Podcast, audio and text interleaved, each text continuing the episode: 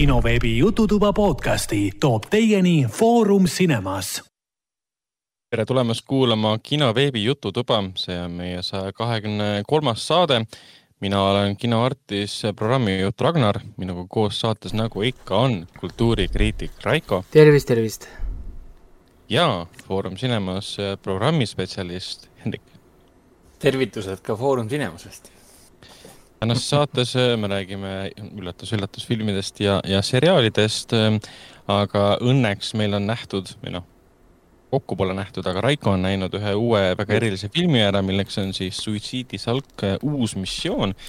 mis nüüd ametlikult. töö Suicide Squad. vabandust, The Suicide Squad. ära aja sassi David Ayeri versiooniga ja, ja igatahes äh, tegemist on siis jah, selle nii-öelda uue nägemuse reboot, soft reboot versiooniga sellest David Ayeri filmist, kus Jared Leto jutumärkides säras Jokeri rollis ähm,. aga see on. Jared Leto kohe... oli pari, Jared Leto ja see ähm, Margot Robbie oli parim osa selles esialgses suitsiidisarjas. ütle, öelge mida tahate, aga see Jared Leto Jokker oli jumala äge. ta mängis üle, ütleme nii. ta mängib äh,, noh, teeb asja juurde aga sellest filmist räägime kohe varsti juba pikemalt, mis see endast kujutab, miks seal on The ees, kuidas ta erineb eelmisest filmist, sellest kõigest räägib meile Raiko. enne kui täitsa edasi liigume siin saatejuhtide kuulajamängu juurde. Ja, siis mainin ära kommentaari, mis jäeti, jäeti meile siis kinoveeb.ee lehele. see oli siis saja kahekümne teine saade, mille pealkiri oli Kas Rasmus Merivoo kratt ongi Eesti parim õudusfilm millele siis tuli, tulid vastused, äh, sellised ähm, Delfi stiilis vastused, et äh, hirmunud filmivaataja kirjutas, et Eesti õudsem õudusfilm on loomulikult Siil udus. milles me ei kahtle, see on väga vana hea miim. Siil udus ei ole ju üldse Eesti animatsioongi no,. täpselt, väga hea point, mis sa välja tõid, sest järgmine Mingi kommentaar, kes vastas, sest järgmine kommentaar, järgmine kommentaar, kes vastas sellele, ütles, tema nimi oli Eerik kas kõik Nõukogude Liidus valminud filmid on sinu arvates Eesti filmid? mingis ehm... mõttes jaa, sest Nõukogude Liidus olid kõik filmid ju Nõukogude Liidu filmid. Pole kus sa olid. et äh, olgem ausad no,. E-, eestlased see..., eestlased loevad ju äh, korvpallikuld, kulda ka ju meile, sest et sellega tegelikult Eesti mängijad aitasid nii-öelda Nõukogude Liidul saada, aga noh, me ikkagi võtame, et see meie oma see ongi küsimus okay., et kui, kui palju olid Eesti, Eesti verd ja inimesi siiludus loomise juures siis me saame lugeda moodi, seda Eesti filmi. moodi on ju, Tenet on ju Eesti film ja nii ja naa, et noh, tulevikus me hakkame ka minevikku meenutama ja räägime sellest kuulsast Eesti filmist nimega Tenet no,. oi, Tenet on muidugi küll... Eesti, Eesti film, sorry noh. ma panin sinna, kui ma, kui ma nüüd panin sinna blogisse, panin ka tag'iga Eesti ka sinna, noh, fuck this shit no, aga Siiludus oli jah, seitsmekümne viienda aasta film, äh, sai just multfilmi oma, põhines Sergei Kozlovi raamatul äh, ja filmi režissöör oli Juri Norstein. Ähm, äh, see ei ole Eestiga mitte kuidagi seotud.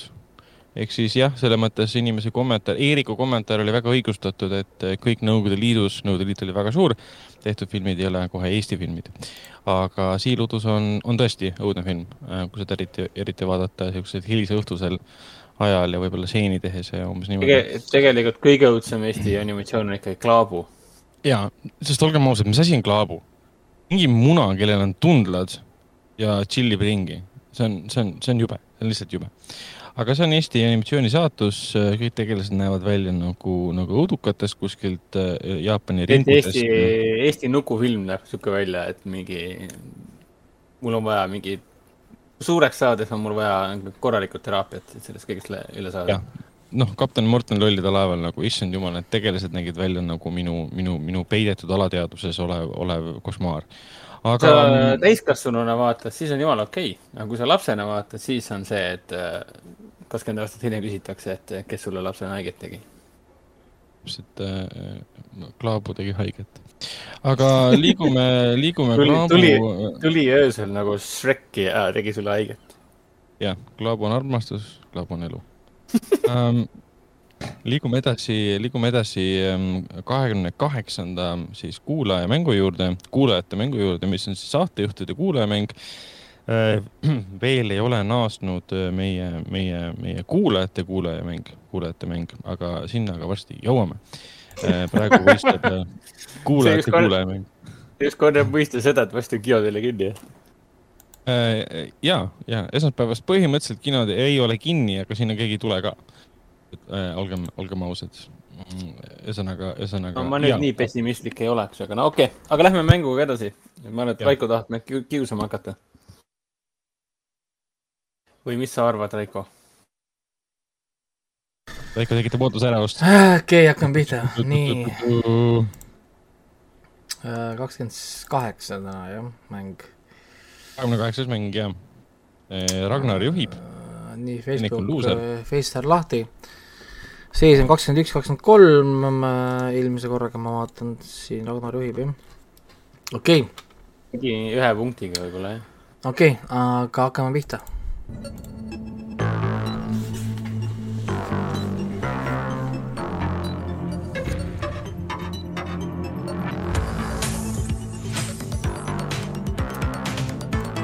Okei okay.. So funky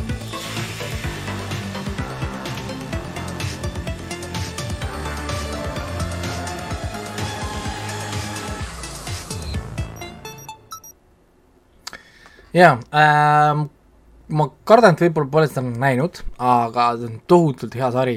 mul üks päev lihtsalt lappasin äh, Hulut ja siis äkki tuli silme ette, tahaks mm. vaadata, tahaks vaadata uuesti ja, ja, ja peaaegu hakkasin juba, juba nagu vaatama ja siis, siis mõtlesin, kurat, et kui ma hakkan vaatama, ma jään sinna kinni. ja, ja, ja tõsiselt kihvt asi äh,, ma kardan, et te võib-olla ei ole seda näinud. Nonii. mulle tundub ka, et ei ole näinud äh,. aga tegemist on Halt and Catch Fire. ei ole näinud, olen kuulnud seda nime, ei ole näinud. IMDB-s on ta kaheksa koma nelikümnest Mackenzie Davis ja, ja, ja, ja mis tal siin veel oli, nelikümmend episoodi on, on kokku. See on ju see sari, kus äh, Lee Bass on. Lee Bass on jaa, ja see on see sellest äh, geimeritest siis kaheksakümnendate tehnoloogilise revolutsioonil, kus nad hakkavad siis äh, nii-öelda nagu maailma muutma. Ja, ja, ja, ja tundub alguses väga veidri idee, tohutult tugeva piloodiga asi, ma räägin, vaatad piloodi ära, holy shit. Ta küll hoia seda tasa, tasat nagu terve aeg, aga, aga ta on mõnusalt kvaliteetne asi, ma üldse vahepeal olen nagu üllatunud selle peale, et ta pole nagu rohkem teemast olnud, aga noh, tõenäoliselt siin oli see levitamise teema, et et, et ta ei saanud niisugust eh, head platvormi, kus nii-öelda nagu välja, välja nagu, nagu maailma minna ja siis sinna ta nagu jäi, aga tõepoolest. aga, aga äh,, aga kõik, kes sellest kunagi vähegi rääkinud on, keda ma vähemalt kuskil podcast'is kuulnud olen, kõik alati kiidavad seda ülivõrdus. on, ta, tal, tal on, ta on olnud väga Breaking Badilik, vaata kui Breaking Bad on, ütleme, metamfetamiinist, narkootikumidest, ma tahaks öelda, et see ongi nagu, nagu selline technology Breaking Bad peaaegu et, et Aha. samasugune nagu feeling on nagu Breaking Badil, kus sa ei saa eemale vaadata, sa pead olema kogu aeg ekraani peal. et võib-olla isegi sarnane võib-olla Mad Meni esimese hooajaga võib-olla, niisugune nagu ma ei oska öelda, sarnane niisugune nagu feeling, aga, aga soovitan vaadata. kestis jah, neli hooaega vist oli või kolm-neli hooaega ja ja sellel sai lõpu läbi jah, siis ma võtan ta kindlasti ette. nelikümmend episoodi ja ma ei mäleta, kas sai cancel või, või mitte.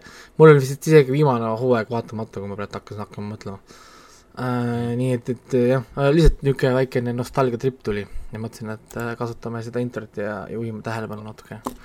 nostalgia, oota, kui vana seriaal see on? kaks tuhat neliteist, kolmteist kandis äkki või äh, tuli välja, kui äh, oli umbes sel ajal, minu arust ma hakkasin seda vaatama ja siis, kui mul kõige vanem oli suht beebi, nii et ma arvan, et kaks tuhat neliteist kandis. õigus jah, siis sa defineerisid nostalgia päris hästi, ma tahtsin juba nöökida, et kaks tuhat neliteist pole nii kauge minevik, aga samas sul on, sul on kõrval olnud laps, kes oli beebi, see tekitab nostalgia juba. ei no ikka, ikka on äh, nostalgia, siis olid äh, hoopis teistmoodi. mul olid teised tööd, kõik asjad oli teine, teine seal, noh nagu. jah, Trumpi polnud veel valitud ja ja, ja, ja Xbox One just tuli välja, Killer Instinct tuli just välja, nii et täna me räägime siin Playcari, Playcari viiest asjadest ja ja, ja asjad on teised, maailm on nagu muutunud selles mõttes, et mul polnud sel ajal isegi ühtegi, aa ei, mul oli, ma sain oma esimese nutitelefoni umbes sel ajal, kui mu tütar sündis, Samsung Galaxy kaks. ma sinnamaani vältisin wow. nutitelefone nagu kuradi katku, aga, aga, aga lõpuks ei olnud enam võimalik nii et jah, vaadake, kui võimalik. aga, aga nüüd on Hendrika tagasi vist, on ju? saame minna järgmise, järgmise juurde. Nonii.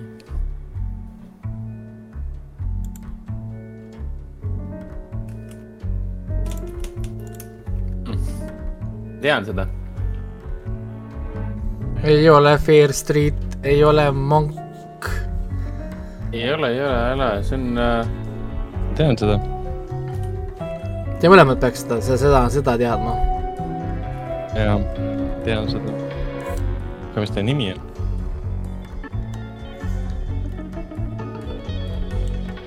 ah, see on, ei, see on, aa, noh, nüüd, nüüd, oota, fuck, see on see.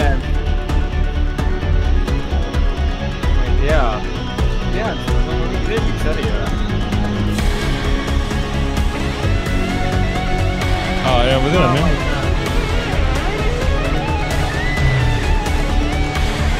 Issand jumal, vihkan neid olukordi. ei ole Flash Forward. ja kohe ongi läbi.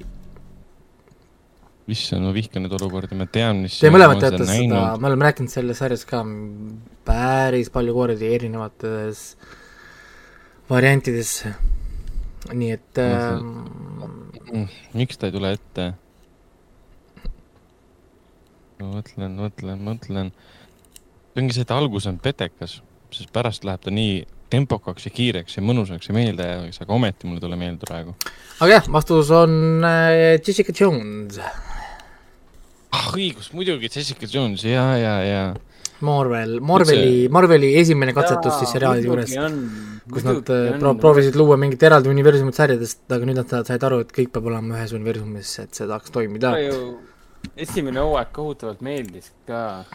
ja, ja, ja. aga pole hullu, liigume edasi, number kolm.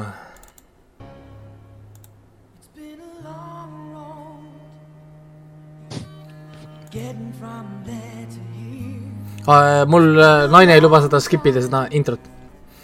sest ta, tema arvates see on nii, nii ilus lugu.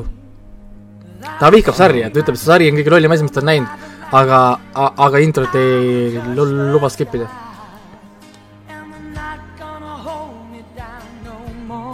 Tean seda laulu.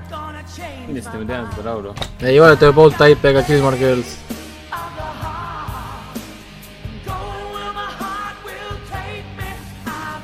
see intro ei lähe üldse kokku sarjaga, see on täiesti mööda, see ei ole ju midagi uut.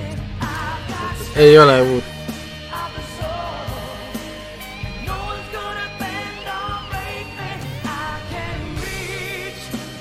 see laulab, naine või? See on mees, ma arvan. mees. I got faith, I got faith. see on mingi usu või? see ei lähe kokku sellega, millest sari räägib. ei lähe üldse kokku sellega. see on nii random, selles mõttes, see on nagu minu arust keegi võttis mingi suvalise track'i, vaata, tegi selle intro, selle graafikad ja värgid kõik ära ja siis võttis mingi suvalise track'i, shuffle oh,, esimene lugu, davai, let's go. see on päris hea vihje tegelikult. kindlasti mingi Netflixi sari. Jookseb kuskil Eesti telekanalitele. Äh, ei, ta on Netflixis olemas küll, aga jah, ta ei ole enam uus sari, nii palju ma võin teile öelda, et tõepoolest ta on juba oma, omajagu vana. mingi nullimäng tuleb praegu või? suht jah. ei, viimane on kerge, viimase sa saate kindlasti kätte. viimast ei ole võimalik, et ei saa kätte. Et ma olen siin varem, varem ka puusse pannud, nii et äh,, aga mul vist ei tule ära. selge, te, te tõenäoliselt ei tea, sest te ei ole üldse väga vaadanud seda, see on äh, Star track Enterprise. Scott Bakulaga siis. ah hell, Star track. jaa, see on Star, see on, see on Star tracki intro, taga käib mingi möll, laevad lendavad, tulistavad. I got fate, fate, I got fate laulavad samal ajal Ah, no, okei.. Samal ajal Star track on mingi räigelt antireligioosne, vaata, mitte ühtegi religiooni pole, kõik, kõik on ainult science ja science. I got fate. kuidas nad põhjendasid seda, ütleme, seriaali tegijad, on nad seda ei kuskil tea, põhjendanud? ma ei ole, ma pole muidugi guugeldanud, äkki, äkki on mingi teema selle kuskil, et miks tal on niisugune intro, jumal, et aga, elu sees selle peale tulnud Aga- see on Star tracki. aga see, see on veider küll tegelikult. Gene Roddenberry, issand jumal. I got paid.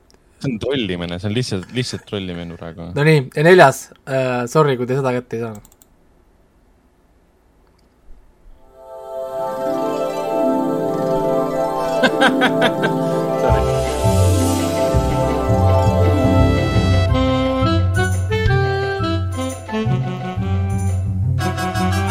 Vau wow,, saite kätte Ragnar kindlasti ei tea saite mõlemad kätte või kuidu- kuidagi? Ei tea. Ragnar ei tea. kuidagi saite kätte, et äh, ma mõtlesin, ma üks päev ikka hoidku olema, mille te saate kätte, sest äh, lõpetame ikka, ikka, ikka positiivse, positiivse noodiga. aitäh, et sa meile, meile armu andsid. oleks et päris äh, piinlik olnud. et jah, aga selge, mõlemad saite ühe punkti juurde kõik ja põhimõtteliselt samaks, lihtsalt äh, ühe, väga ühe punkti, punktiga liikusime lihtsalt edasi. hea mäng, aga osalejate poolt väga piinlik. ei no ega see ongi keeruline ka, selles mõttes, et, et ma mingil määral kasutan ka seda nii-öelda nagu äh, ütleme noh, meeldetuletamiseks või natukene tutvustamiseks, et visata mõned uued nimed inimestele välja. äkki kümne aasta pärast, kui me seda podcast'i ikka veel teeme, siis tõenäoliselt sa lased seda sama seda Star track Enterprise'i uuesti ja küsid, et mis see on ja siis me vastame selle peale, et ma ei tea ja siis, siis sa pärast küsid, et kas me oleme lõpuks seda vaatama hakanud või mingi, ahah. ei, ei ole kindlasti.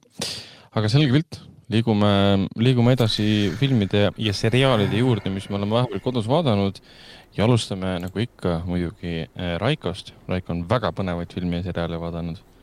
isegi neid, mida mina tahtsin vaadata. Kinoasjad jäävad kõik ju kino stuff'i onju. jah, täpselt, kinosest räägime, räägime kohe pärast, kui me oleme lõpetanud. okei, teen väga lühidalt. põhimõtteliselt on üks anime, meil on hästi lühike, see tegelikult äh, kaks hästi lühikese nimega animet, esimene anime on I've, I've been killing slimes for three hundred years and maxed out my level.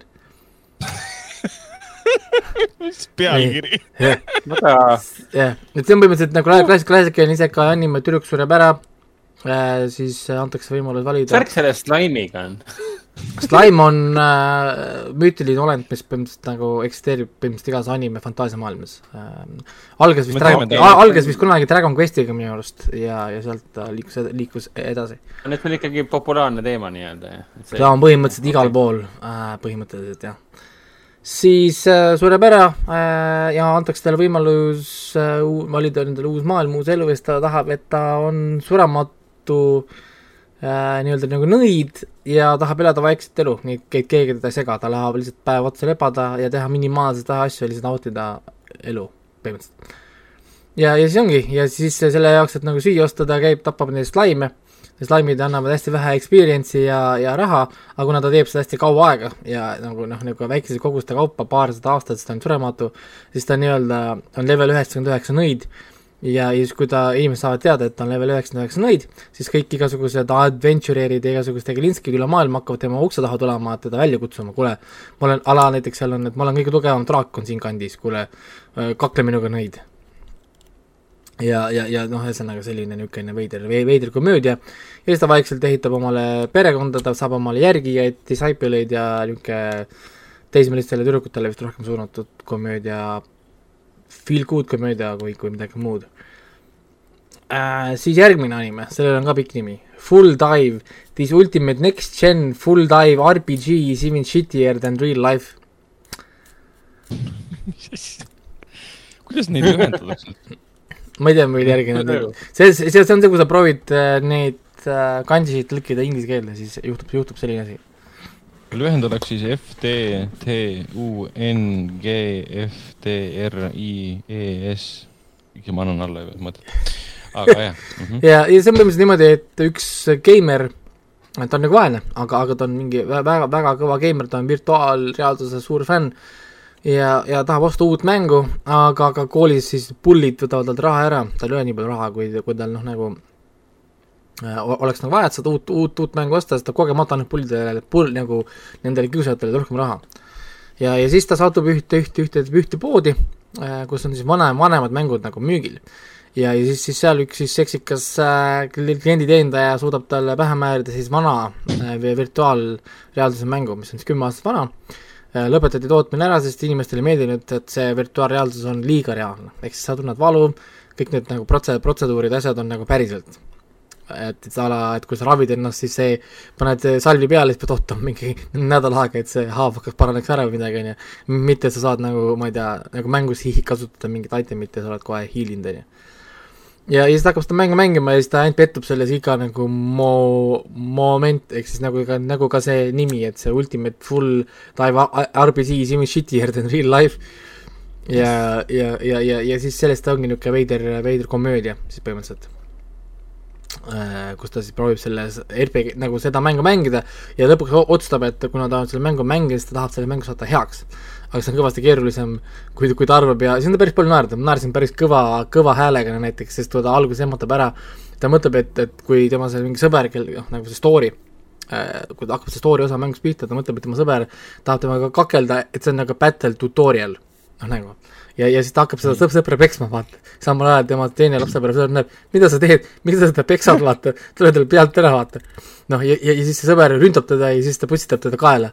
noh, nagu ja siis see sõber saab nagu surma ja siis see karakter, kellega ta pidi algse paardi tegema, noh nagu mängu alguses, siis need ei taha temaga enam paardit teha, sest ta tappis ühe ühe ära ja nüüd see tüdruk siis, kes seda kõike pealt nägi, ta manub, manub talle kättemaksu ja, ja siis ta peab nüüd mängu alustama nii-öelda nagu väga negatiivsest situatsioonist, sest nüüd on linnas igal pool tema need üles, nagu kuulutused, et ta on mõrvar ja ta tuleb üles leida.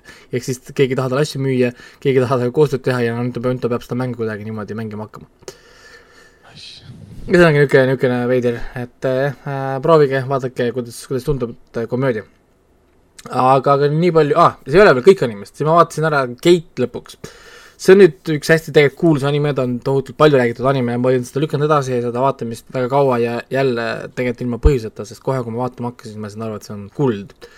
ja tõepoolest ma leidsin kulda äh,. Sellega on huvitav ka, ma guugeldasin seda päris palju. Kate äh, tegi väga palju tegelikult Jaapani ühiskonna jaoks ka, guugeldage seda animet, see on väga-väga huvitav story seal taga äh,. siin sarja peategelased on äh, Japanese Self-Defense Forces ehk siis põhimõtteliselt nagu Jaapani kaitsevägi põhimõtteliselt äh, on siis nagu sarja peategelased. ja, ja, ja mida see sari siis tegi, see näitab seda Jaapani nagu kaitseväge nii positiivses valguses, et selle sarja populaarsus tõstis tohutult nii-öelda vabatahtlike ja uute nagu liituvate arvu, ajas nagu nii kõrgele. et, et, et, et nad äh, nii-öelda Jaapani valitsus lahendas selle mure, et neil ei ole piisavalt palju nagu järelkasvu nii-öelda võtta siis nagu sõjaväge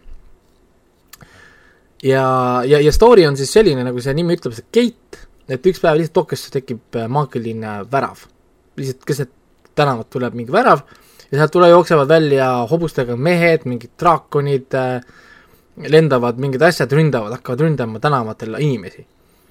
ja, ja siis äh, meie nagu loo peategelane, mul juba ei tea ta nime äh,, ma kohe ütlen sulle. issand küll ma võtan selle lahti kiiresti äh,. äh Itami. ma siis, Itami on, äh, on siis selle loo peategelane, te, tema on siis suur otaku, ehk siis ta on suur kujude kogumise mangade fänn ja tema on teel siis äh, nii-öelda nagu kohalikule komikonile või noh, nagu umbes selline suur, suur asi, kus ta saab siis osta uusi mangasid ja kujusid ja värke ja siis ta näeb, et mingid kahtlased asjad ründavad ja kuna ta on tegelikult elukutseline sõdur, siis ta nii-öelda tema instinkt käivitub ja ta saab suureks kangelaseks, ta tapab palju vaenlaseid, päästab palju inimesi ja kõik mõtlevad, et ta on suur hero. tema, tema tegelik motivatsioon oli see, et kui ma kohe ei tegutse, siis event saab cancel. ja, ja ta ei saagi oma neid kujusid uusi osta ja ta ei saagi uusi mangasid osta ja, ja noh, nagu värki ja, ja siis selgub, et ei saagi. ja, ja, ja siis selgubki, et tegelikult Titanil on, on äh, päris palju minevikku. Ja, ja mulle meeldib, kuidas see sari on, on nüüd seda teinud. nüüd äh, ühesõnaga need ründavad, inimesed lükkavad selle rünnaku nagu tagasi. Ja siis Jaapan kohe sulgeb selle terve selle linnaosa ära, sellest luuakse mingi uus, mingi autonoomne mingi tsoon, rahvusvaheline poliitika sekkub, kes kuidas mida uurima hakkavad, ameeriklased on, on nõus kohe tankidega ja reaktiividega läbi, läbi lendama teisele poole põrgut tegema, on ju äh,, siis äh, Jaapan võtab selle üles endale, nad panevad oma tiimid kokku, seesama Itami lükatakse pukki kohe kõige ette, ta on mingi leitnant, on ju, tegelikult noh, nagu tegelikult peale selle, et ta on ka nagu see nii-öelda otaku, tema muidugi unistab sellest, et kui ta teisele poole läheb, et seal on kassitüdrukud ja seal on äh, elfid ja ühesõnaga, seal on noh, igast stuff'i nagu, aga tegelikult, kui nad teisele poole jõuavad, seal on sõda, seal on, neid oodatakse, on ju, neid ründavad, aga sealpoolsed inimesed on nii-öelda nagu maagiamaailmas, aga nad on primitiivsed ehk siis need tangid ja sõdurid ja need võtavad maha ilma igasuguste probleemideta, granaadid, miinid äh,, äh, ma ei tea, kuulipildujad, nendel on, meil on mingid kilbid, need, neil on, ja siis nad proovivad öösiti, no näiteks nad proovivad öösiti rünnata neid Jaapani ka-, kaitseväge oma, oma mingisuguste loomade asjadega, aga need näevad ju öösiti, neil on ju see night vision goggles. Äh, tulistavad mingi RPG-dega neid seal, saadavad oma lennukid ja helikopteri peale ja siis endal on, mida me tegime, et me nagu ja siis, siis me hakkame nägema seda story't nüüd vaikselt, siis me näeme, et see koht, kus see värav asub, on, on mingisugune koht nagu impeerium nii-öelda. ja siis impeerium otsustas nagu rünnata, sest praegune kuningas on väga vaenulik nii-öelda. ja, ja, ja nad ei olnud, nad ei olnud valmis selle jaoks, mis sealt nagu tuleb. et, et siis ja, ja jaapanlased tulevad oma uhkete relvadega, elekter, ma ei tea, ühesõnaga niisugune nagu moodne stuff, nad tõmbavad kohe kindlused püsti, betoon, ehitised, värgid, särgid, ühesõnaga terve see maailm jääb nii-öelda nagu Jaapani siis nagu armu all tegelikult. ja hakkavad niisugused poliitilised mängud, maailmaga tutvumine, diplomaatia ja ühesõnaga Jaapani poliitika, Ameerika tahab osa saada, Hiina tahab osa saada, Great Britain tahab saada osa, on ju, noh nagu kõik riigid hakkavad sekkuma, miks teie saate ainult sinna minna? seal on erinevaid ressursse, see on nafta muidugi kohe Ameerika esimene küsimus, et palju see naftat on seal teisel pool seda väravat, on ju ja, ja hakkabki nagu pihta ja siis äh, Itami satub alati nagu sündmuste keskele siis. Äh, et, et äh, ta leiab sealt palju tuttavaid, ta leiab omale selle elf girl'i sealt, ta leiab selle cat girl'i sealt ja, ja, ja värgid ja sündmuste keskel. nii et selles mõttes ta on, ta on hästi kihvt action poliitiline anime.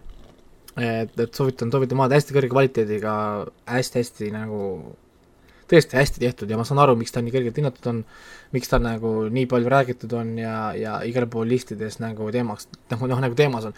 see ei ole päris isekai anime, ta ei ole, selles mõttes, et, et kedagi ei võeta meie maailmast jõuga, topitakse fantaasiamaailma, aga ta on ikkagi sinna žanri piiri peal, sest meie sõdurid või noh, nagu nii-öelda Jaapani sõdurid lähevad vabatahtlikult siis läbi selle värava sinna, sinna maailma ja, ja, ja, ja see on selline kihvt niisugune nagu asi, siin on pidevalt seda poliitikat näiteks, kui Jaapan on nii tugev, et ta võiks selle terve maailma ära vallutada, miks nad seda ei tee, miks nad, miks nad otsivad nagu noh, nagu neid positiivseid suhteid, kõik see protseduuri, ühesõnaga siin on väga palju asju, mida vaadata, see on üks terve hooaeg, kakskümmend neli vist episoodi oli, ja ongi nagu kõik. lugu tegelikult ise läheb edasi, kui, kui tahate lugeda kas manga või siis seda light novel varianti, aga, aga nii palju, kui ma siin välja jõudsin guugeldada, siis äh, nagu teist hooaega plaanis teha ei ole. animele.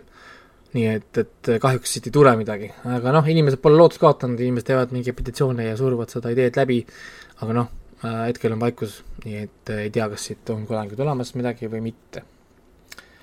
see idee on veits nagu see Tomorrow War või? In a way no Tomorrow Waris nad lähevad nagu tulevikku mingisuguste, sinna läheb lihtsalt täiesti teise, teise maailma. sõdu, sõduritena nii-öelda, kutse sõduritele nii-öelda või? no jah, lähevad, aga, aga ta on, ta on rohkem niisugune me, ma, ma ei oska öelda, ta ei ole päris nagu feel good anime, ta ei ole, aga, aga, aga ta on niisugune eluõpetlik anime no küll. ja mulle tohutult meeldib, kuidas Itami karakter on kirjutatud. nii õigel ajal alati me saame natukene temast uut infot saame taustainfot, alguses me saame teada, et ta on sõdur.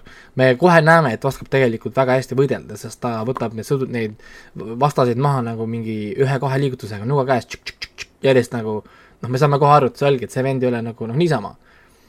Ja siis me hakkame vaikselt saama taustainfot, kuidas ta tegelikult on defense force'is, kuidas ta on mingid erinevad asjad kõik tegelikult teinud nagu läbi, ta, mingi isa on mingi defense minister ja me saame järjest nagu tausta. hiljem selgub, et ta on olnud abielus näiteks ja, ja kõik see nagu info. ja, ja, ja siis mis, mis, mis teeb nagu selle animega huvitavaks, on ka see, et siin on äh, vanus, on kõrgem kui muidu, vaata enamus animid, kui me räägime animetest, on mingi viisteist kuni kakskümmend vanuse vahemikus on peategelased, on ju. siin on kõik kolmkümmend peale. Ena-, enamus on isegi neljakümnendates ja viiekümnendates juba, sest me räägime siin noh, leitnantidest, igasugustest kindralidest ja asjadest, kes on nagu sõjaväes, et see ei saa olla ju kahekümne aasta. Neil kõigil on juba mingi karjäär selja taga ja ühesõnaga niisugune noh, nagu noh, niisugune nagu asi ja samuti ta, ta on nüüd kolmkümmend kolm, kolmkümmend neli on ta siin, ehk siis põhimõtteliselt no minu vanune on see peategelane siis siin, mis on nagu veider, sest täna mina enam animes oma vanuseid karakterit tegelikult ei näe naljalt. et, et see aeg on möödas, möödas, noh ehk siis see on päris harukordne. et jah, ei, ma, hea meel, et ma vaatasin ja tuli mul seal Watchlistis mingi Forever.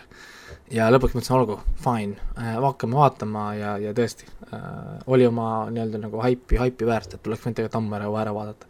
aga hea meel, et muidugi vaatasin, sest nüüd oli jälle midagi head, mida vaadata, muidu otsid seda animet kogu aeg ja vaatadki lõputult niisuguseid veidraid asju ja siis, siis ei leia seda head siis äh, mul õde äh, lampi üks päev äh,, äkki oli pühapäeval või äh,, ütles, et ta tahab vaadata mingit filmi The Poughkeepsie Tapes ma tean seda. ja ja, ja üldse Google, guugeldas, keegi soovitas talle, et pidi olema mingi hea õudukas, onju. mina siis võtsin lahti, Paramount plussis on olemas, davai, tule siia, vaatame. ja see film oli sitt, täiesti okay, saast. see film ei suutnud isegi nii kaua minu tähelepanu hoida või isegi nagu mul õe tähelepanu, et iga viie sekundi tagant hakkasid, kui hakkasid seda telefoni kätte, et kas siin toimub midagi, pidime guugeldama vahepeal, kas see film pihta hakkab ka kunagi. või, või noh, mis see nagu on. see näeb välja nagu halb tudengifilm või, või, või siin jäi mulje, see on mingi inimese tehtud äh, kes kujutab ette, kuidas võiksid sõrad sarimõrvad olla ilma tegelikult ühtegi sarimõrvarit kunagi uurima, uurimata või, või kas või dokki vaatamata. Viki ütleb, et see on pseudodokumentaal. ja see on, see on muku, muku, mukumentari mingil määral. kommentaar, aga kas see on jälle see käes. Shaky cam ja tohutult mingi leiavad, põhimõtteliselt on story niimoodi, et nad le- leiavad mingi ähm, kasti täis, mingi, mitte kasti täis, ma ei tea, mingi tuhandeid või sadu VHS kassette mingi hästi kaua tegutsenud sarimõrvarilt ja siis nad kogu aeg väidavad, oo, et meil polnud valmis, mis me sealt kõik leiame ja see oli kõige jubedam, kui sa oled seda kunagi näinud ja siis meil, me, me, me ei näegi kunagi seda, mis on see jube siis, mida nad näitavad. sest need, mida nad näitavad, oli väga möhhe. ja mingi maskiga vend tantsib ringi, ma ütlesin, nojah, aga what the so, so, so what nagu. ja, ja mingil määral nad siis proovis kuidagi nagu luua mingit ülimat serial killer'it, et võttes nagu erinevate sarimõrvarid, niisuguseid nagu tuntud asju, omadusi ja siis toppis nagu kokku need kõik, aga see absoluutselt ei toimi. tõsiselt, iga film, see VHS ja see pimedus ajas mind lõpuks nii närvi, see, peale selle, et sa ei, siin ei ole midagi näidata, see isegi, mida on, ma ei näe seda. noh, mis selle nagu point on? mis selle, mis sinu selle filmi nagu point oli, lihtsalt halvasti tehtud film oli see. et piinlikult halvasti tehtud film. ja, ja ma küsi-, küsisin ka seal, küsisin siis ka õe käest, kes, kes, kes talle seda soovitas, ta ütles, et tema sõbranna on mingi kaheteistaastane poeg. ehk siis ma ütlesin, jah, selge. et, et, et eh, siit ma saan ka aru, et miks, miks, miks võib-olla siis see filmi niisugune noh, niisugune, niisugune nagu impact oli nagu parem, aga ei, ta oli, oli, oli nõrk, nõrk film, see on tõesti nagu arvestades neid found footage'id ja asju, see on ikka tõesti väga all siin, ütleme, erinevates žanris, et, et äh, isegi piinlik selles, žanris on nii palju häid näiteid tegelikult. et, et, et ma isegi, isegi režis- režissöör pärast võttis kätte ja tegi selle As above, so below. aa, see on Netflixis, see on päris hea. ma ma, ma, jaa. ma pole seda veel vaadanud äh,. Ragnar on rääkinud sellest, aga ma pole sinna veel jõudnud. kes lavastas selle M. Night Shyamalani lifti, lifti jõudub ka. Lift, Lifti Devili filmi kus ta okei. tegi remake'i sellest äh, äh, Rekist äh,, Quarantine'ist. aa, see mees mängib võrgu siis. tähendab Re, Rekist tegi remake'i, mille nimi oli Quarantine. see, tegid Rekist remake'i, sa peaksid põlema kuskil väga sellel ei olnud. pointi teha, sellest ei olnud, sellest ei olnud vaja teha remake'i, see, nõus, täiesti et, nõus, täiesti nõus. ei ole nagu pointi, ei ole mõtet teha sama asja uuesti, pane lihtsalt ingliskeelsed subtiitrid alla ja levita Ameerikas, noh, miks, miks, miks sa teed uuesti? tundub, Raiko, et, et MGM, kes pidi seda filmi esialgu levitama, arvas ka, et see film on kohutav rämps, sest see pidi välja tulema kaks tuhat kaheksa aastal. MGM tõmbas selle ootamatult kalendrist maha ja ta lõpuks tuli välja kaks tuhat neliteist on demand'is. Ah, ka maha võeti ja siis kaks tuhat seitseteist pandi Blu-ray'l peale. et, siis kaks tuhat neliteist tuli välja. tegi see As above oli vist küllaltki normaalselt edukas vist ja tänu sellele äkki siis lasti uuesti välja. aga ei, see on, see on päris saast, see film, ma, siin nagu, ma isegi ei taha soovitada, et vaadata lihtsalt, kui saast see on, lihtsalt äh, säästke oma aega. see on piinlik, piinlik, piinlik kuni sinna momendini, et, et kuidas see film üldse tehti. aga kuna film oli nii juust, siis õde leidis, et peaks ühe filmi veel vaatama. et, et kui ta juba tuli, noh, siis vaatame, siis me vaatasime Cracklist, Crackle on siis see Sony tasuta filmide platvorm äh,. vaatasime Oxford Murderers, Elijah Wood ja mis oli see, John Hurt. Hurt. Ja pre-, premis tundus huvitav äh,, treiler tundus huvitav, põhimõtteliselt on niimoodi, et üks, üks äh, noor matemaatik, Elijah Wood, läheb siis äh, Oxfordi, paned tähele, venna või? matemaatika on peategelane. jah, et Aa. äh, läheb Ox- Ox-, Oxfordi lootusega siis äh, õppida siis kuulsa, mis ta nimi, iganes ta nimi oli, keda mängib siis John Hurt selle professori all, ja professor tõrjub ta siis nagu ära või noh, või leiab, et see poiss ei ole nii geniaalne, kui see poiss ise arvas, et, et ta nagu on, ja enne kui ta hakkab ära minema, siis Inglismaalt äh, toimub mõrv. Ja, ja, ja, ja mõrvar jä- jätab maha sümboli ring, lihtsalt nagu ringi lubadusega, tuleb veel ohvreid. ja siis seesama professor ja siis see Elijah Wood hakkavad koos seda mustrit lahendama siis, proovides siis nii-öelda sari, sarimõrvarile järgi jõuda või ennustada, mida ta siis nagu teeb ja kuidas siis mõrvad on nagu seotud. Ja, ja premise on selles mõttes huvitav, aga tegemist on põhiliselt nagu dialoogiga ainult, et see film toimub suuresti ainult dialoog, dialoogi põhjalt äh,, ühest ruumist teise me tea, dialoog, dialoog, dialoog, dialoog, dialoog, arutavad. Äh,, et, et ma ei oska öelda, ta on niisugune, lõpuks on nagu keskmine, siin on hea puänt lõpus siiski, mina seda välja mõelnud puänti äh, äh, oli, oli nagu üllatus, ma arvasin, et film on juba lahendatud, siis aa, viskasid veel, veel paar, paar head, head kurvi ja, ja selles mõttes tõesti, et seda lõppu ette ei näinud, aga, aga see, et ma lõppu ette ei näinud, ei ole nagu noh, nagu ütleme, nii suur ri-, ri-, redeeming kvaliteet, ma ütleks, et see oleks üüberhea film. ta on niisugune viie-kuue punkti film, ma räägin, et ühe, ühe õhtuks nagu, ühe õhtuga võib rahulikult vaadata. Aga, aga, aga jah äh,, jah, ta Crackeris on ta olemas. Äh,, Crackeris kahjuks tasulist versiooni ei ole, nii et ongi ainult tasuta versioon, tuleb vaadata reklaame, nii et äh, saab rahulikult vaadata.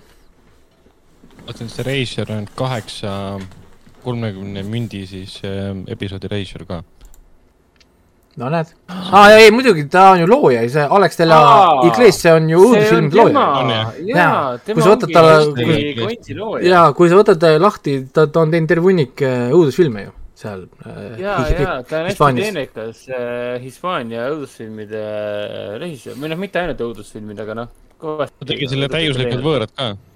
Ja ei, tema on tuntud, tuntud nimi küll. issand, ma vaatasin jah seda perekonnanime, miks see nii tuttav on, ma ei viitsinud peale klikkida ja ei, ei, ta on, ta on tuttav, selles mõttes tuntud, tuntud nimi. et, et kui vaadata niisuguseid trillereid, õudustrillereid, eriti Hispaania omasid, siis see nimi on käinud läbi äh,. noh, kindlasti mitu nagu korda, see on tema nagu žanr, et see film on tema parim, ma kindlasti sinna kantide ei lähe.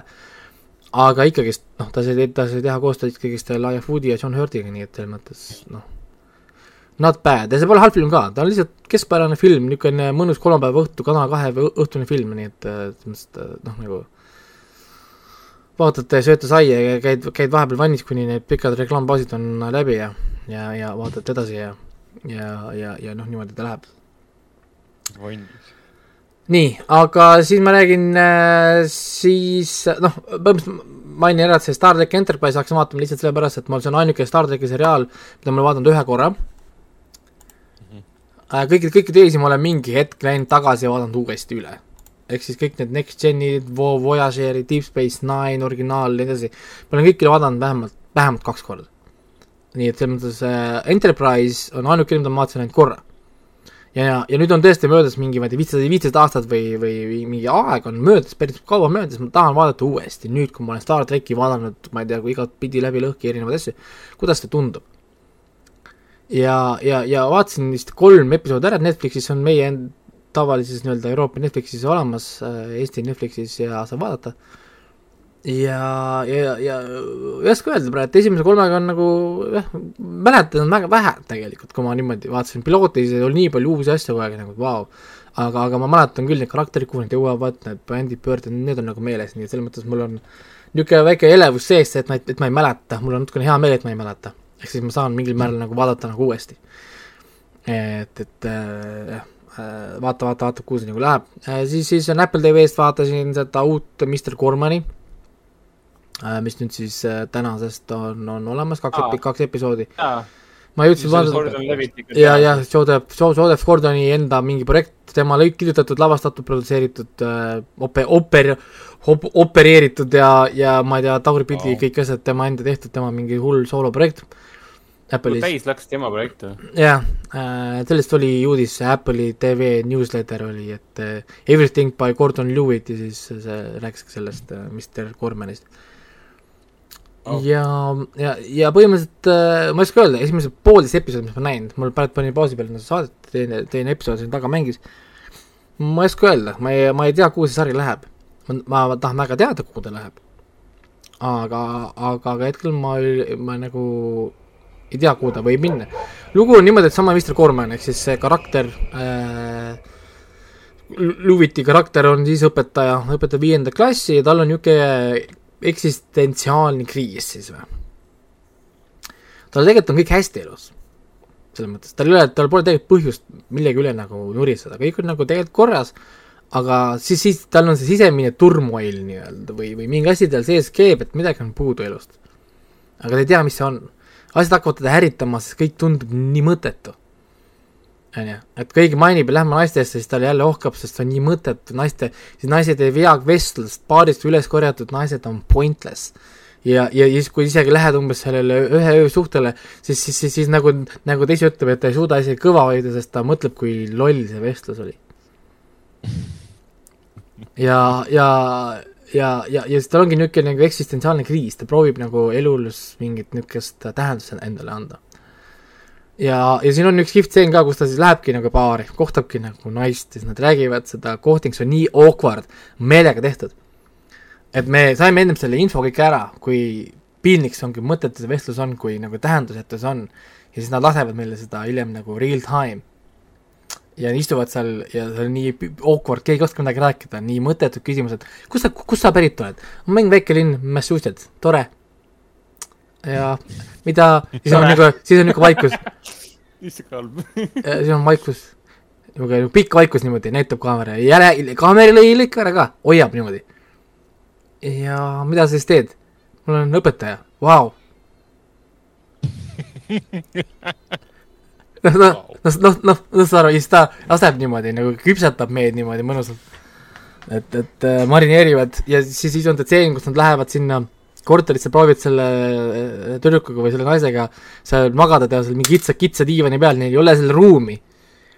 ja, ja siis me näeme seda protsessi, no ei ole ruumi küll ta proovib seda ühe, ühe käega, seda naist, et diivani pealt ära ei kukuks, siis see naine proovib seal samal ajal äh, ma ei tea, riided selle ära võtta või värki ja see lihtsalt on awkward ja see kaamera ei lõika ära.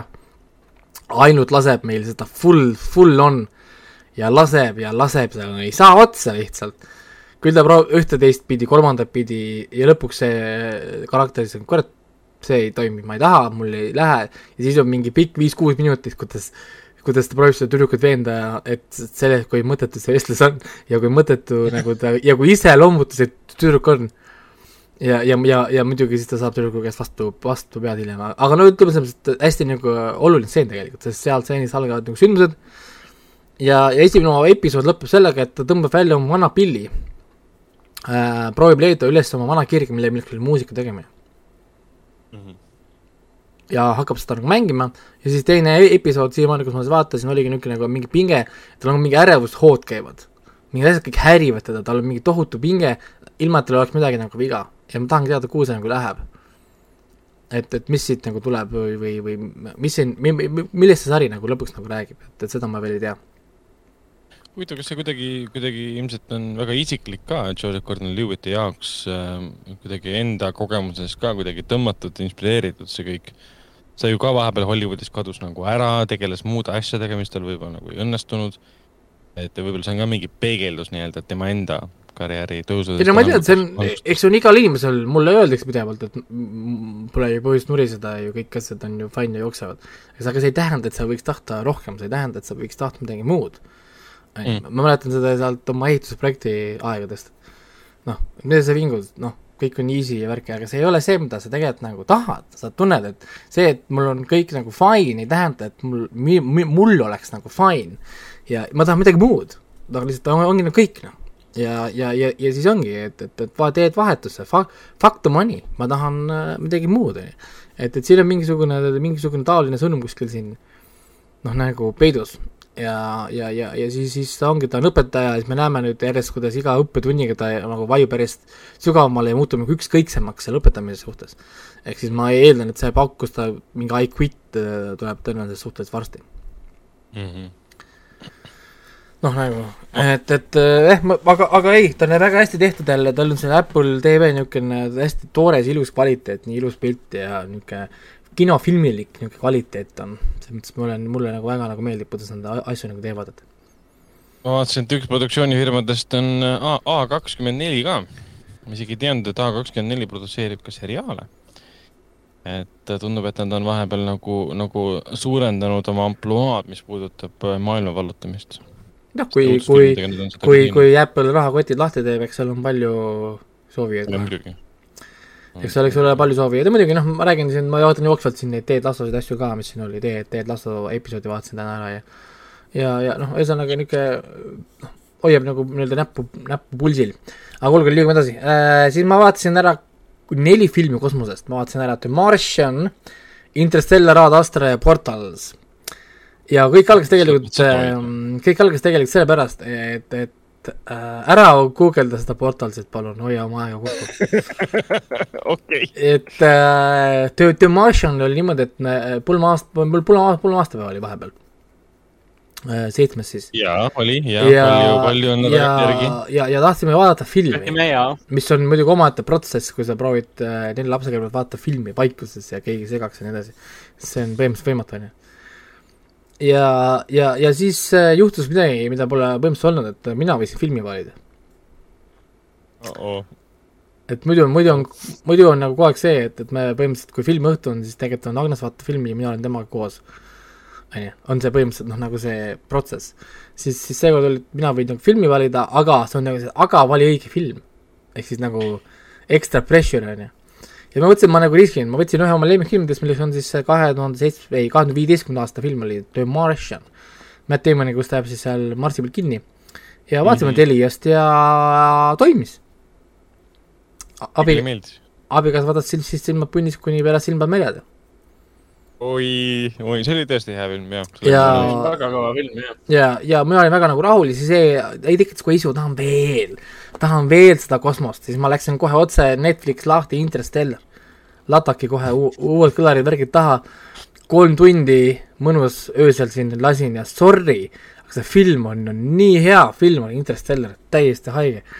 ja täiesti nõus, ma olen seda alati kaitsnud, isegi nende eest, nende ees, kes ütlevad, et see armastuse, armastuse teema seal filmis on kõige lollim asi, mida Nolan suutis välja mõelda. mis mõttes see tütre ja isa armastus või? ei, et see Anne Hathaway ei, seal. see, kui Anne Hathaway ütleb, et jaa, et armastus on see, mis päästab meid ja armastus on see füüsi-, füüsikaline jõud või midagi sellist. jaa, aga, aga, aga see ongi ju keskne, keskne teema, sellepärast et sedasama ta ju ütleski, vaata see, see veider Matt Damoni karakter, see kuradi doktor Mann, kes äh, närvi ajab, onju. siis Jah. tema tegelikult ütleski selgelt ära, et kui sa, kui sa proovid inimesi veenda ainult nagu ratio-, ratsionaalse nagu lähenemisega, inimesi ei tule. Sest inimene leiab, et minu eluaeg on ju fine, mina elan veel ära. see on järgmise generatsiooni probleem, kui maakera läheb. sa ei saa teda veenda, sa saad teda veenda ainult niimoodi minema, et, et sinu lapsed saavad surma. jah, täpselt. ehk siis, ehk siis sul on vaja, sul on vaja seda ekstra, ekstra, ekstra, ekstra vunki, et ta poleks kunagi olnud nõus minema, kui, kui, kui ta poleks äh, nii-öelda kasutanud tema lapsi, et teda mani-, manipuleerida nii-öelda nagu minema. nii et selles mõttes, et jah, kui nad oleksid kuulanud Anne Hathaway sõnu, et ta, et ta armastab seda meest ja tahab sinna minna, oleksid kohe sinna läinud, oleks film läbi olnud, siis kõik oleks fine olnud. jaa, aga tegelikult nad tegid õigesti, nad tegid õige otsuse, sellepärast et andmete järgi oli parem koht, kus doktor Mann, lihtsalt nad ei teadnud, et doktor Mann on võltsinud andmeid. et, et nad tegid selles mõttes õige, õige otsuse siiski, selles mõttes, et, et, et noh, ei saa nagu süüdistada ja, ja, ja tegelikult oligi, et Dan Hathaway tegigi emotsionaalse otsuse, tahtiski minna sinna Edmundsi planeedi peale, sellepärast et äh, jah, see oli nagu nii-öelda tema suur laav. et ja, ja see tseen muidugi, see spinningu tseen, kus kohas äh, match oh., match the, match the spin, holy crap, noh. oh,. see muusika, mis seal käib taustal, see heli, mis seal kõik töötab, siis ja, ja kuidas see nagu lavastatud on, täiesti crazy. see on nii pikk, nii kihvt tseen, ma nägin, vaatad seda mingi vau wow,, holy crap, kui kuradi vägev. ei, ikka kõva film sinu 4K, 8K ekraanil ja nende seitse punkt üks helisüsteemiga, ma kujutan ette, et see oli päris rabav elamus,. ei, see on kõva, kõva ilus ja ma räägin, et lihtsalt ainuke asi, mis mulle meeldib, on see lõpp. mul on, põhimõtteliselt oleks kümme ja kümme, aga ma punkt maha, sest mulle ei meeldi filmi lõpp.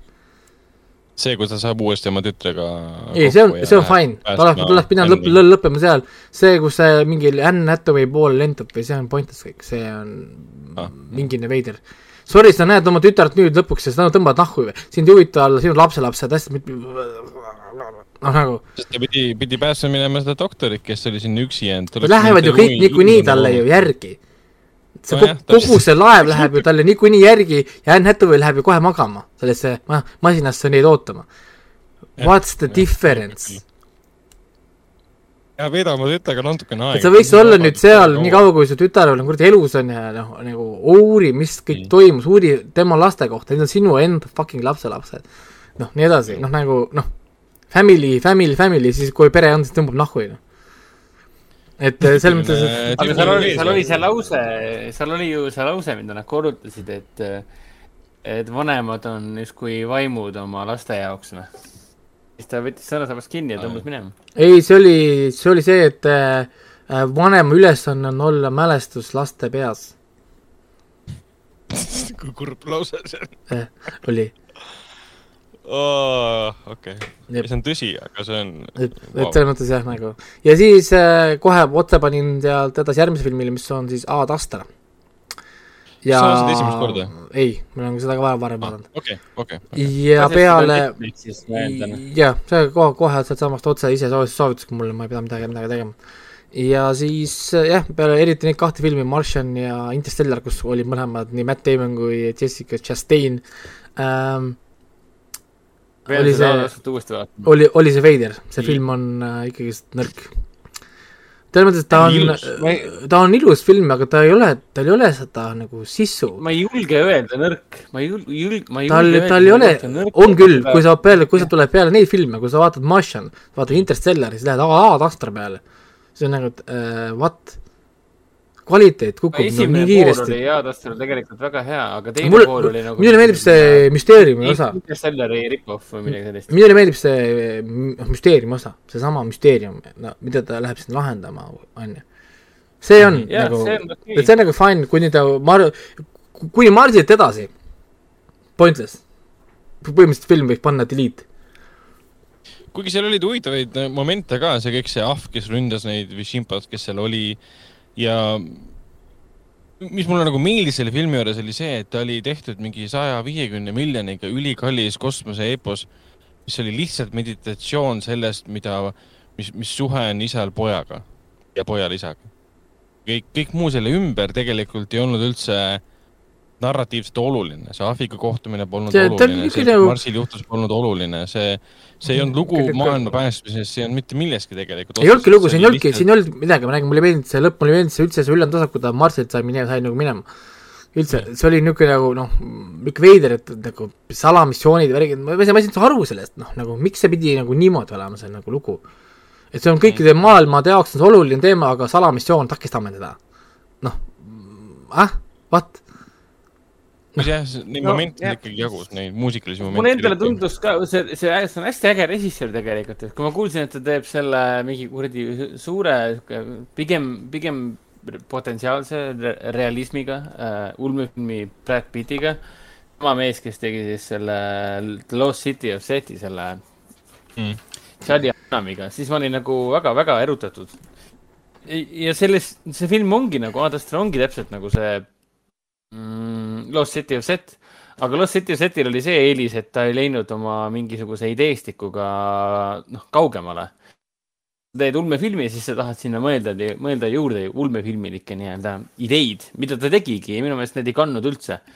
isa ja poja teema oli see, mis kandis, aga see, mida ta sinna juurde mõtles, et ta, et see lugu ka oleks ikkagi olemas, see nagu hakkas ära hajuma või oli lihtsalt niisugune imelik häma. Jah. oli vaadata. ei, see on, ei, siin, Visioon, see on- siin, siin on kihvtid stseene, seal isegi seal lõpus finaalis selle isaga koos on väga kihvtid stseene siin on seda nagu asja, muusika tegelikult seal, nagu seda power'it tegelikult nagu, nagu jagub, aga lihtsalt äh, ei ole nagu kind-, noh, et ei ole seda niisugust nagu mitmekordse vaatamise kvaliteeti siin väga ei ole, noh, kui ma võin Interstellarit vaadata nüüd uuesti, võin täna kohe uuesti vaadata seda või Martiani võin täna veel peale lükata jumala lõdvalt, siis Ad Astrat ma viitsin küll vaadata mingi viis-kümme aastat vähemalt. okei, ei see on suhteliselt aus, aus reaktsioon tegelikult. sest, sest noh, tal ei ole niisugust nagu selles mõttes, ta, ta ta on nii hea film küll, ma räägin, et kümne aasta pärast näiteks lastega võin uuesti vaadata, lükkan peale ja ja, ja vaatame kosmosefilmi näiteks, on ju. aga, aga jah, ta ei ole niisugune, et noh, tal ei ole sellist, ta ei ole võib-olla nii, ka nii laiale publikule minu arust ka mõeldud, kui need noh, Martian on minu arust väga hästi õnnestunud veel selle koha pealt, et ta on tõesti kõigile. Perefilm täiesti, täiesti, täiesti vabalt. Et- Interstellar oli väga edukas, Ad Astra ei olnud ja sellel samal põhjusel, mida sa, mida Raiko praegu loetles ka, miks ei olnud Ad Astra edukas, inimesed ei, seal ei olnud seda konksu, miks vaatama minna, ei piisa ainult sellest, et seal on Brad Pitt äh, ja on kurb ja on kosmoses. jah, et selles mõttes küll. ja, ja, ja siis äh, võtsin Popcorn Flixi ette äh,. siis huvitav muidugi see, et, et Apple TV-st ma ei saa Popcorn Flixi tõmmata Euroopa äpipoest, saan tõmmata Ameerika äpipoest, aga Euroopa äpipoest ta toimib, sest pop- pop- Popcorn Flixil pole regiooni lukki mõttes. et siis, kui te lähete läbi brauseri Popcorn Flixi, võite vaadata Euroopa filmi nii palju tahate, see on tasuta filmi, filmiplatvorm siis äh, vaatasin sealt äh, Popcorn Flix Originali ära, mis on siis kaks tuhat üheksateist aasta film Portals ja jah. Guugeldasin seda. ärge, ärge seda guugeldage, ärge seda filmi vaadake. mulle, minule meeldis see premiss, on ju, umbes, et nad olid väga, väga nagu kõvalt umbes, et oo, et mingi teadlased äh, te loovad esimese tehisliku musta augu ja siis kohe samal hetkel kaob kõik maailmast energia ja siis äkki tulevad koos energiaga mingid salapärased uksed igale poole. ja siis seda müü-, seda müüdi kui umbes antoloogiat, kuidas neli õudusfilmide mingi kirjutajad ja lavastajad siis igaüks teeb ühe ministoori seoses selle noh, nagu selle põhilooga siis, kus nad tekivad need salapärased need uksed ja sellest tehti siis põnev film, on ju, treiler tundus, tundus ka täitsa vägev, nii et kes iganes selle treileri kokku lõikas, ta on ime, imemees. ja siis hakkad seda filmi vaatama, noh siis nagu, et oh my god, see on jube, see on halb läbi ja lõhki, selle, et on halvasti näideldud, mingi suvalised inimesed tõmmati tänavalt sisse ja, ja, ja see on nii palju vigu lihtsalt, et seda noh, me võime eraldi lahkama jääda, kui vigane see film on ta on igav, need, need minilood ei lähe kokku, mida ei usu mitte ühtegi asja, mis seal nagu toimub, see on nii awkward lihtsalt. ja kõige parem asi selle filmi juures ongi eriefektid. Mhm. Need on täitsa nagu fine, kõik need, nüüd noh, mis puutub nagu neid erinevaid eriefekte, mis on vaja, kõik väljaspool seda täiesti awkward, isegi kes iganes seda operaatorit Vettel tegi ja, ja, ja kes ta otsustas neid asju seal ja kõik need näitlejate valikud ja stsenaarium ja dialoog, issand jumal, see on ainult üks, üks niisugune nagu nukker asi teise otsa, nii et jah, et, et selle, selle võib äh, julgelt, julgelt skip ida. nii, oota, oli mul veel midagi või? enne kui on Äh, kinofilmid. Äh, gladiaator, aga see on Aa. ka kinofilm tegelikult. no põhimõtteliselt ta on kinofilm jah, aga mina, mina, mina vaatasin teda nii-öelda siis koduses 4K-s äh,. mismoodi teeme, kas Uh. räägime ära siis selle gladiaatori kohe või? või, või jätame ta? aga olgu äh,, sünnipäevaks ma sain siis, siis Ragnari käest äh,, ma ei tea, kas Ragnari ja Hendrik käest või Ragnari käest ainult äh,. mis asja? minu käest ainult. ainult, selge. ja sain siis okay. äh, Blu-ray, 4K Ultra HD Blu-ray, kus on siis kaks filmi, Braveheart ja Gladiaator. ja Gladiaatori enda plaadi peal on veel kaks eraldi nagu versiooni, sul on tavaline theatrical release, siis on extended mingi release, kus ma ei saanud aru, mis seal extended oli. Ma olen ka uurinud seda, ma ei ole siiamaani aru saanud, mis seal et, et alguses see Ri- Ridley Scott ise ütleb, et seal on lihtsalt äh, rohkem valiantsit ja pikemad äh, võitlusstseenid. okay.. on siis, mida tema ütleb seal alguses, ehk siis action'it lihtsalt pikendati või tehti nagu rohkemaks, kui theatrical re-, re-, re- release'is lõigati action'it vähemaks, kõik muu pidi sama olema Mhm. ja, ja siis äh, sellega oli ebimine siin nüüd omaette, teema tuli mul sellega, sest ma ei saanud seda tööle. ja, ja, ja niisugune lühi, lühikokkuvõte oli see, et kõigepealt panin oma Xbox Series X-i sisse ja ei tööta, menüüst ei lähe edasi, jookseb kokku ja jookseb niimoodi kokku, et viskab konsooli ette kinni. Viskabki nagu füüsilise kontrolli, latake kinni ja, ja siis on kohe error ja ta hakkab seda mingit database'i asju siis nii-öelda nagu taastama. mõtlesin, okei okay,, what the fuck, guugeldasin ja, ja üldiselt sul tekib nagu samasugune reaktsioon nagu noh, igal normaalsel inimesel on, et umbes kui sa paned Netflixis, ma ei tea, tuhande kaheksakümne p peale ja ei toimi, hakkab nagu hakkima pilti, kõigib selge, ma võtan alla, panen seitsesada kakskümmend p. noh, saad aru, et liiga me läheme siis allapoole. Ja, ja minu esimene reaktsioon oli siis sama, muidugi noh, kõigepealt ma panin PlayStation viite, PlayStation viis alguses mingi esimesed viis minutit jooksis täitsa ilusti, siis tõmbas kinni, mingi hakkas kräksuma, viskas ka kinni errorid. ma siis mõtlesin, no selge, noh see plaat loob mul kõik, kõik konsoolid ära. noh, nagu kodus. ja, ja ma samamoodi hakkasin alguses siis võtma maha ja noh, kui Xbox, Xbox'i peal selle Blu-ray player'il pole põhimõtteliselt üldse valikuid, siis Playstationil on igasuguseid valikuid, sa saad re re resolutsiooni piirata, valida, kaadrisagedust sundida, üle write ida, sundida allapoole, ülespoole, upscale ida, downscale ida äh,, sa saad valida isegi bitrate'i, sa saad, sa saad valida data transfer'i, kui palju data transfer'i, kas on sada protsenti, me võtame allapoole ühesõnaga, PlayStation lubab tegelikult tohutult palju funktsioone, mis oli hea, hea on teada, et sa saad nii-öelda nagu timmida, kui sul telekad asjad ei, ei funktsioneeri ja siis seal oli ka kirjas, et noh, kui pilt on flickering ja jookseb kokku, et võta alla data transfer'i, mine siis võta muudkui aega alla asju. ja ainult hullemaks läheb kogu aeg ja crack, crack, crack ja viskab kinni, mis on selge, ma ei saa vaadata. Mul ei ole siis player'it, mis toimib. lõpuks oli see, et fuck it, kui ma lõhume juba ära, siis lõhume ikka täiega. ja, ja, ja panin, panin kõik asjad põhja. panin kõik asjad põhja, kõik, mis ma sain, kõik bitrate, max kuradi maksimum resod HDR-i lükkasin põhja, panin veel ekstra dynamic'ud sinna peale, RGB kolorid peale, igasugused jott-kolorid, kõik max on äh,, kõik asjad põhja, kõik, mis ma vähegi sain igalt poolt põhja. projektorid, kõik asjad põhja ja mõtlesin, no nii, hakkame vaatama ja film jooksis, kõik, kõik toimis. ja, ja, ja, ja jooksis ilma nagu probleemideta.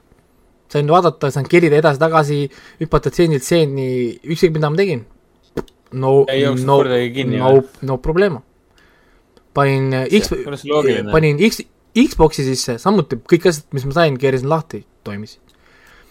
ja, ja, ja siis hakkasin guugeldama, et mis kurat crap sellega on ja, ja siis selguski tegelikult sellega, et nendel äh, kompressitud siis 4K ultra HD äh, Blu-raydel on siis miinimum transfer rate on ära määratud. Ehk siis mis on see miinimum andmete side, mis peab minema nagu läbi? Äh,, siis seda ei ole võimalik nagu alla võtta. ehk siis äh,, kui mul pat-, mul oli nagu minu default setting projektoril oli siis pandud äh, mitte en-, enhanced mode, ehk siis tavaline regular mode. äh,, et hoida nagu nii-öelda power saving'u nagu see äh, point, sest ta töötab mul mingi viisteist tundi päevas, on ju see projektor. siis äh, Äh, mida see tegelikult, tegelikult nagu tähendab, ongi, ongi nagu see, et ta võtab nagu 4K kuuskümmend sisse, aga ta võtab madalama bitrate'iga. ja nüüd see madalam bitrate, mida ta tahtis võtta siis äh, Playstationilt ja Xboxilt, oli madalam kui see miinimum, mida see 4K saab välja anda. ehk siis Playstation ja Xbox mõlemad proovisid sundida seda allapoole seda nii-öelda alla miinimum bitrate'i, aga samal ajal, kuna ta peab seda ka lahti pakkima ka samal ajal, eks tal on see teine funktsioon taustal, see nii-öelda see uncompress, seda ta saab teha aeglasemalt ja vaiksemalt. ehk siis ta uncompress ib ikkagist nagu vaiksemalt, sest pro-, pro-, see projektor ütles, et talle võtame rahulikumalt, aga see data transfer ei saa minna alla miinimumi. ja siis meil juhtubki nagu see, et pilt hakkab hüppama, jookseb, jookseb kokku, sest tal ei ole seda ta ei saa kätte oma andmeid, mis tal on vaja. et nagu, et, et nagu toimida, kas ta jõuab siis järgi kom-, sellele nii-öelda nagu lahti pakkimata osale, ehk siis sa jõuad järgi sõna otseses mõttes sinna kohta, kus kohas peab pakib alles lahti, kus ta jookseb kokku siis, sest nüüd on error, midagi on nagu valesti, või pilt jookseb kokku sellepärast, et tal ei ole infot, et seda pilti ed edastada. ehk siis tuleb lihtsalt nii-öelda nagu flat gates open ja, ja, ja, ja, ja ei tohi seda nagu piirata et kui teiste Blu-, Blu-, Blu-raydel see ei ole olnud pro-, nagu probleem, sest need, need, nad ei ole surunud kahte mingi kolmetunnist 4K yeah. ultra HD filmi ühele plaadile. siis, äh, siis ma, seal, Amazonist nagu... hakkasin vahepeal neid endale tellima meelega, et näha neid, äh, kus on lahe, et sa saad kolmekümne euroga osta ju plaadi, kus on siis kaks versiooni peal.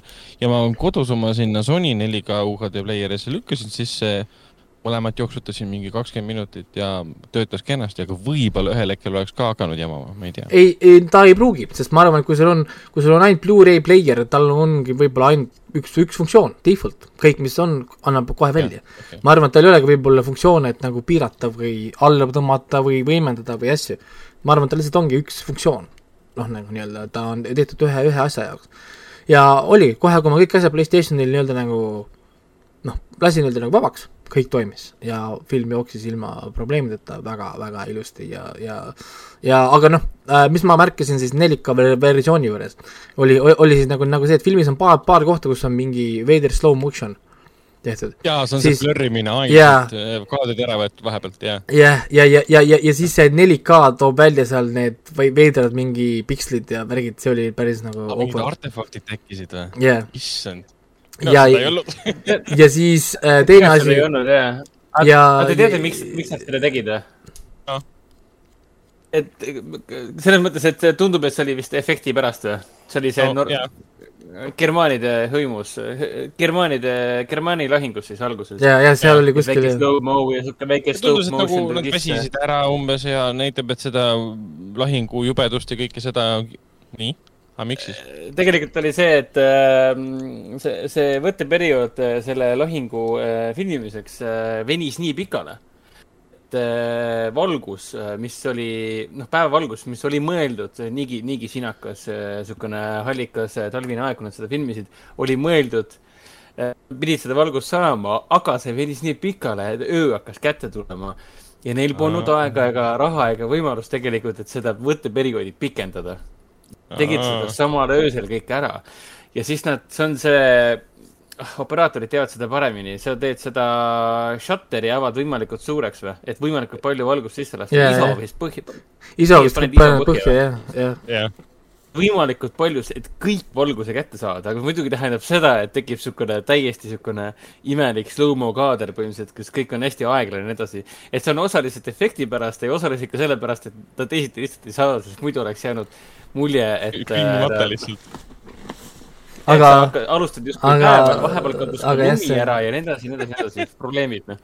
et, et, et see oli päris niisugune awkward ja, ja, ja, ja siis teine koht, kus kohas see 4K hakkas mind häirima, oli Russell Crowe'i fight stseenid. okei, ma nüüd nägin ju ta No. stunt double'it, ma vahindan mingit stunt double'it mitu minutit, sest need pikendatud fight stseenid ka veel. noh, ja ma näen ju seda selgelt, et, et seal ei ole ju noh, Russell Crowe, mingisugune suvaline vunts vehib seal selle mõõgaga, noh, ja nii hästi on näha seda. Kinoversioonis seda näha ei ole, sest need on välja võetud kõik, aga sina nägid seda, pikendatutest nähtud, võimalik, et need pikendatud kaadrid, stseenid ei ole nii, nii, nii läbi, noh, ära varjatud nii-öelda või.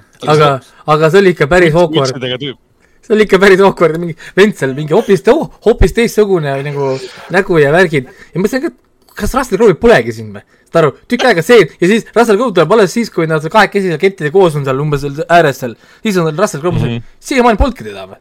noh, nagu, noh, et, et miks te ise, ise võite selle kuradi kummimõõgaga seal vehkida, noh. Oi. et aga kas sa märkasid mingeid vigu, vigu ka kuidagi paremini või, või, või peale selle, et sa mäng-, nägid seda stunt-double'it? ja vigu ma niimoodi mänginud, üldse mingit vigu ei näinud.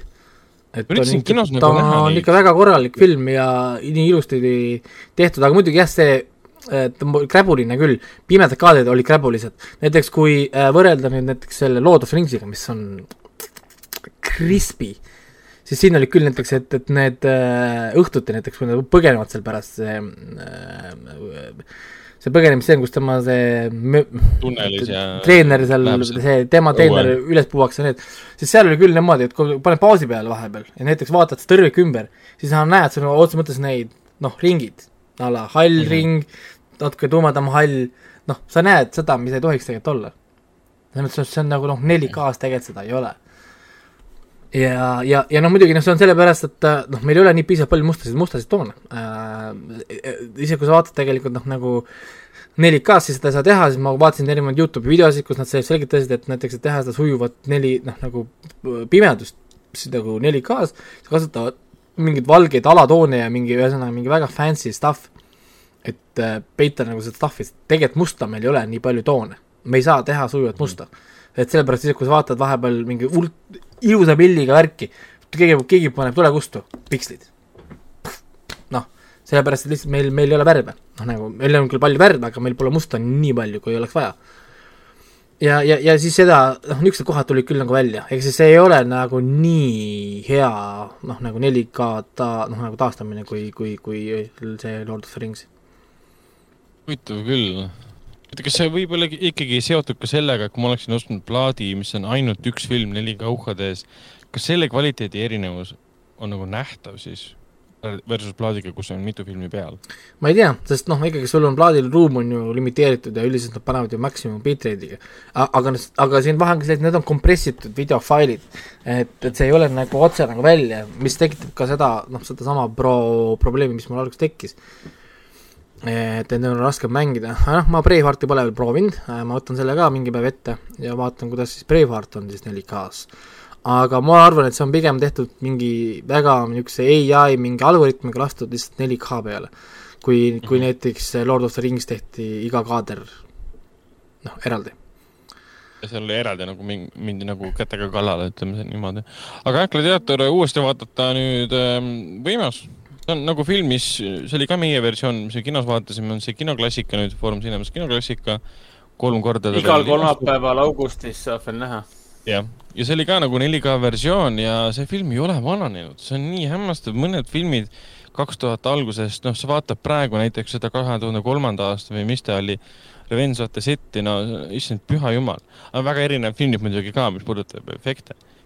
Aga. Gladiator ei ole vananenud, sa vaatad, et see teeb siiamaani silmad ette päris mitmetele uutele, uutele nagu Sword and Sandals No, and aga, aga, aga ta teeb äh, silmad ette ainult sellepärast, et äh, tegemist on ju kahe tuhandenda aasta filmiga, kus siin veel tollal oli veel noh, enamjaolt oli kõik ikkagi, kõik ikkagi noh, sihuke väga maapealne lähenemine ju. praktiline praktiline efekt üle ja et okei okay,, Ro-, Rooma küll ehitati digitaalselt üles, et suuremaid vaateid saada, aga küsimus oli pigem vaadete saamises, mitte selles, et mis nagu lähikaadides toimub, toimub Noh, jah. siis kõik, mis lähikaadides siin filmis toimub, on tegelikult päris, et siin ei ole seda küsimust ja siin isegi näitlejad ja, ja, ja statistid said reaalselt vigastada, sest noh, nad läksid äh, nagu raskete proppmõõkadega äh, kokeldes, nad läksid omavahel äh, nii hoogu, et nad reaalselt tegidki, saidki peavigastusi nii-öelda. Kuna see ja siis- võtteperiood oli nii hektiline, tormiline ja nii edasi. aga, aga jah, See need, ütleme, kui, kui ma jah, mina võtsin, aa, ma muidu vaatasin hinde, käisin üle ka, kui ma näiteks Martiani tõstsin hinde üheksa pealt kümne peale, siis Inter, Interstellari ma jätsin üheksa peale, Ad Astra viisin seitsme pealt kuue peale, siis Gladiatori tõstsin seitsme pealt üheksa peale.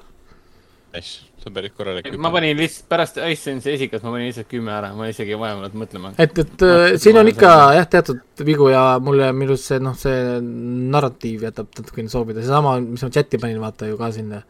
et ma, Maximus on ohtlik, sest kogu sõjavägi on talle lojaalne ja siis kümme minutit hi- hiljem nobody is lo- loyal to Maximus ja siis kohe viiakse metsa, noh nagu noh jah mi,, mi, miks nad üldse arvasid, et sõjavägi peaks talle olema lojaalne, kui sõjavägi talle kohe esimese asjana selja pööras um,. Nad ei teadnudki ju. noh, point oli selles, et ta viidi lihtsalt hästi kiiresti minema. no see käis küll kuidagi nii nagu jah, nagu järsku ja kuidagi nagu too easy, ütleme selles mõttes selle eks nendest, selle ka kassise ja samas, samas Maximuse tegelane ise ütles, et tema sõdurid on meeletult väsinud ja surevad seal mudas seal laagris põhimõtteliselt ja sõda on küll läbi, aga ometi sõdurid surevad. vaata, need reaalses elus need, siin oligi vist pigem seda, seda püütud sisendada, et eh, keegi ei saagi ega ei jaksagi tähele panna, et järsku Maximus läheb metsa koos meie enda sõdur, sõduritega, et ei panegi midagi tähele. sul on õigus, ta oleks võinud hüüda, et mingi my army, päästke mind, kõik mingi. ei, ta oleks, ei ta, ta poleks isegi pidanud, ta oleks tegelikult kohe, tegelikult sõna otseses mõttes, kui tuli välja, et Emperor on surnud, ta läheb sinna, ta oleks võinud kohe öelda armeele, arreteerige Cassius, sest ta tappis oma isa. jah, jah, saad aru? ja nad oleks kohe võtnud ta kinni ka. ja sellepärast ütlebki, et kõik, kõik teavad ju, et ta ju käis seal ju, seal noh, telgis ja ta, ja ta kohe film läbi. näed, ta tahtis, et Mm. ma oleksin järgmine emperor, see, see, see, kõik asjad on, on nagu paigas, see õde oleks tõenäoliselt kinni, kinnitanud seda juttu. ja on kõik ära riku midagi nii ilusat ära, vaata, kaks ja pool tundi, film oleks kestnud ilus tundi. ja tema naine ja no, naist vägistati ja, ja poeg, poeg pooldi üles, et, et, et, et ära sa seda ilusat asja nüüd küll ära riku. Aga ei, võimas film, ikka kõik need aastad, kakskümmend üks aastat hiljem, igati võimas film, mis kannatab kas või iga aasta uuesti vaatamist, siin on aga, aga, aga noh, nii, nii palju on, kusjuures, et äh, ta ei olnud minust nii, nii kurb, kui ta oli kui ma vaatasin seda esimest korda. samal ajal kui Inter- Interstellar oli minu arust palju kurvem, kui ma vaatasin seda nagu varem. Samas äh, gladiaatorit vaadates ma sain täiesti aru, et kus äh, minu jaoks on tulnud äh, see, see selliste suurte eepiliste filmide vaatamise harjumus või midagi, noh, et, et mida eepilisem film, seda, seda selline, selline emotsionaalsem lugu võiks olla, umbes nii nagu Interstellariga ka, et noh, gladiaatoriga on samamoodi, et miks, miks gladiaator nii hea film on, on tegelikult ainult sellepärast, et see lugu on täpselt selline, nagu ta on. Muidu me väga surud emotsioonidele muidugi. ei no see seesama ju, seesama, mis ta tegi ju selle ju kokkuvõte, kindralis, kellest sai ori, orjast, kellest sai gladiaator, gladiaator, kellest sai Rooma vabastaja. täpselt.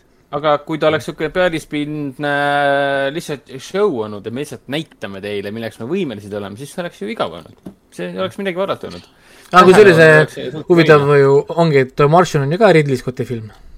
jaa, on küll. on jaa, okei, Ridley Scott on tõesti crazy mees, saad aru, teha- teeb ära, siis teeb Blade Runner ära, siis ta teeb kuradi Gladiaator ära, siis ta teeb Martiani ära Louise ja. ei no ta on, ta on, ta on hea filmitegija. ta oskab teha Jah. filme.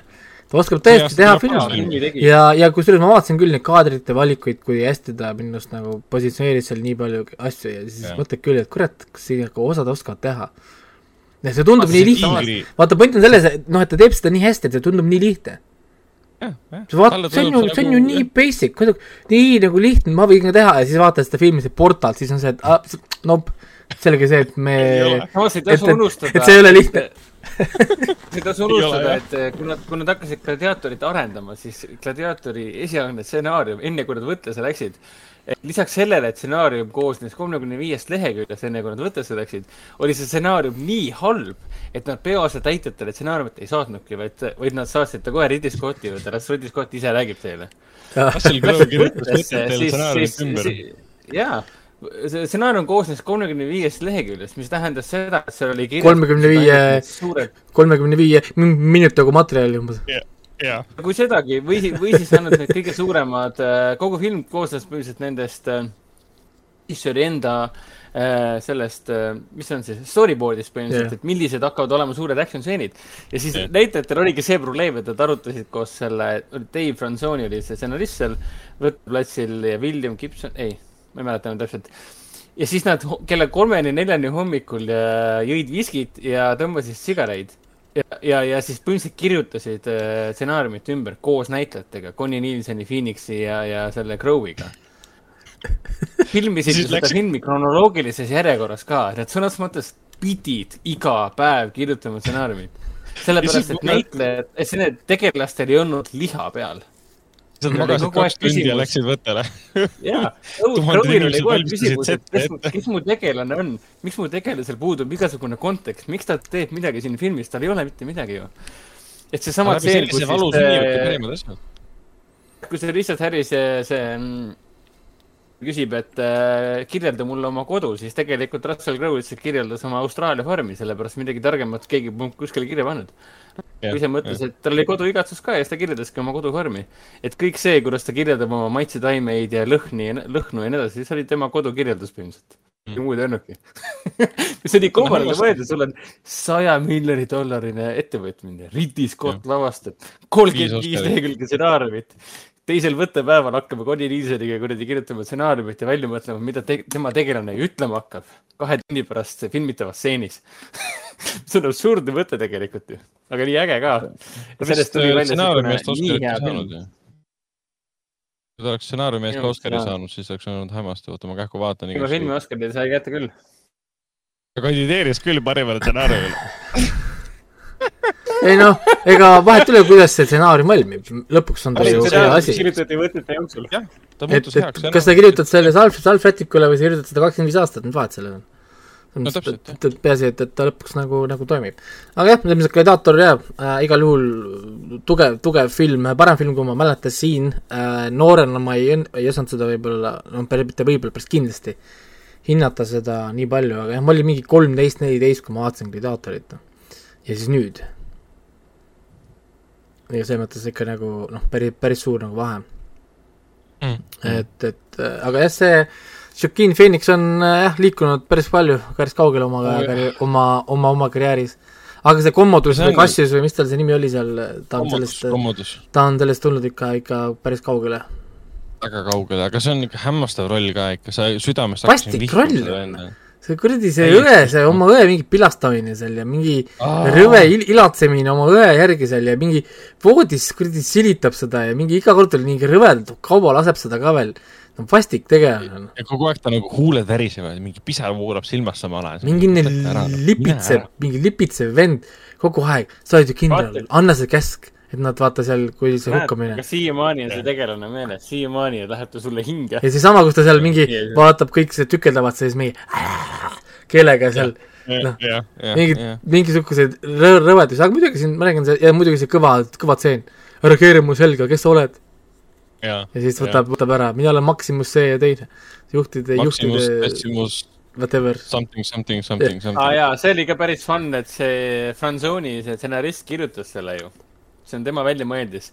see, et mm. ma mhm. olen Maximus Decimus Meridius ja blablabla bla, bla, kõik see lause, I, I will have my Wednesdays in this life or the next. ja Russell Crowe arvates oli see kõige hallim ja kõige halvem äh, tekst, mida ta elus lugenud on. ja ta ütles Stefanzonile, et ta on idioot. ei taha seda lugeda, aga noh, tead, ma saan hakkama, ma, ma, ma olen maailma parim näitleja. siin, siin filmi jooksul ta sai aru, et ta on maailma parim näitleja, et ma saan hakkama. isegi mitte, kui ta kõige lollima teksti muuta väga heaks. Et juba siin Gladiatoris, enne kui ta sai superstaariks, oli sihuke ego oli tegelikult peal aga ma lugesin, et Franzoni oli selle peale öelnud, et jaa, ta lugeski seda väga hästi, aga ilmselt oligi minu tekst väga halb see tundub jah niisugune soperdis, aga näed, ähm, tulemus on ju käes. väga, väga mhm. tugev äh, tulemus ilmselt. Aga selge, sellega ongi, ongi siis kõik, äh, rääkige oma stuff'i ära, ma anna korraks, äh, astun eemale ja siis ma tulen kohe tagasi selge pilt, Henrik räägib meile, räägib meile natukene jälle Good Place'ist näiteks. ja, ja siis oh. sa räägid meile veel, räägid meile veel Harry Potteri filmidest. Henrik, mis juhtus, kas sa läksid nostalgiaradadele või sa vaatad midagi, midagi teistsugust hoopis? Harry Potteri? mis Harry Potteri maailma filmid? ma, ma vaatasin, ma vaatasin kahe päeva jooksul, kahe päeva, ei, päeva jooksul vaatasin ära Fantastilised elukad uuesti mm,. sest Kanal kaks näitas seda siin lampi pühapäeva õhtul. tahad magama minna, kell on mingi kümme vist või? tahad magama minna ja siis järsku vaatad, et oi, fantastilised elukad ja kust neid leida.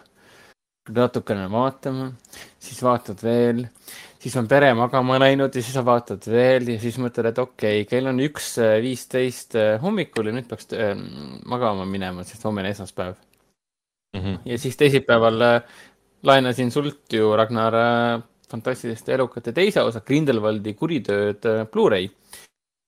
vaatasin seda siis oma PlayStation nelja Blu-ray mängija pealt.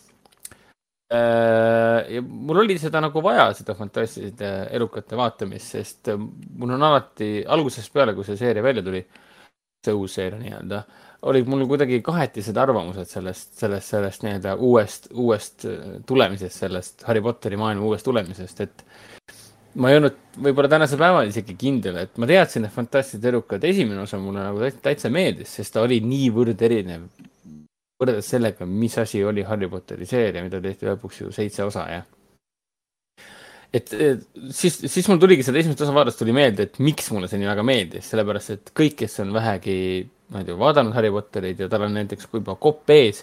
Sorry, kui sa oled juba seitse osa ära vaadanud ja neid fännanud, siis tegelikult sa ei ole normaalne inimene, kui sa tahad veel Harry Potterit saada. äkki aitab küll, see maailm on suur ja lai, me vaataksime hea meelega midagi muud. No loomulikult saab siin ju vaielda, et oh, küll nad teevad ju Grindelwaldist filmiseeria. ei ole midagi uut, mõttes, et me teeme Voldemorti prequel'i põhimõtteliselt, noh Voldemordi eelmisest, eelmisest väljalastest nii-öelda, nad on kaks sama, samasugust tegelast erinevatel aegadel, erinev, natuke erinevate motivatsioonidega, aga mõlemad on ju suured pahad nii-öelda. aga samas see, kes seda ütleb, vaata siis korralikult fantastilisi elukaid ja kust neid leida, ehk siis esimene osa. Erinev see film tegelikult on, ta ei räägi üldse Grindelwaldist, ta räägib ainult Newt Scamanderist ja see on nii huvitav ja see on nii eriline see ka, et põhipaha on see imelik, see, mis oli siis see häma, hämarlikkus või obskuurus et nii mm -hmm. depressiivne väga depressiivne põhipaha on siin filmis nii-öelda. valesti mõistetud depressiivne põhipaha, võib vist nii öelda. jah, teda võib nimetada jah, valesti mõistetud ja depressiivseks. Ja teine osa oli vist paar, paar minutit pikem kui esimene, mingi kaks viisteist, kaks kaheksateist, midagi sellist taaskord täpselt jätkab, kohe näha, et Rowling, noh, Rowling ise kirjutas stsenaariumit ka ja, ja kohe näha, et ta siis David, David Yatesiga, kes siis enamik need Potteri filmidest on äh, lavastanud äh,, võttis kätte ja hakkaski siin mingisugust täiesti oma liini ajama ja võttis nagu, kõige huvitavam oli see, et teise osas samamoodi võtavad aja niimoodi maha. Tulevad suured action set piece'id, siis nad panevad gaasi põhja. eriti see, kuidas Grindelwald, spoiler äh,, esimene, selle teise osa alguses Grindelwald põgeneb, kui vinge, kui äge, kui stiilne Depp on siin täiesti võrratu, I love that guy nagu, kui äge Grindelwald saab üks olla, üks Grindelwald saab olla. muidugi kolmandas hästi elukates on nüüd Mads Mikkelson, et. Tõenäoliselt nad ütlevad. seda kõike muidugi, aga eks nad leiutavad mingi narratiivse põhjuse.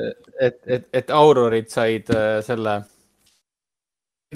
kätte ja ründasid teda ja siis tema, tema nägu sai rünnaku käigus kohutavalt no, kannatada ja siis ta pidi selle taastama ja ta muutus, muutus lampi Mads Mikkelsoniks. see on okei okay., Mads Mikkelson on äge, äge näitleja, aga mul on väga kahju sellest kõigest, mis on Depiga juhtunud, sest äh, Grindelwaldi kuritööd on küll täiesti Depi film ja, ja Eddie Redmayne samamoodi, et äh, rääkimata sellest Catherine Waterstone'ist, on tema ju.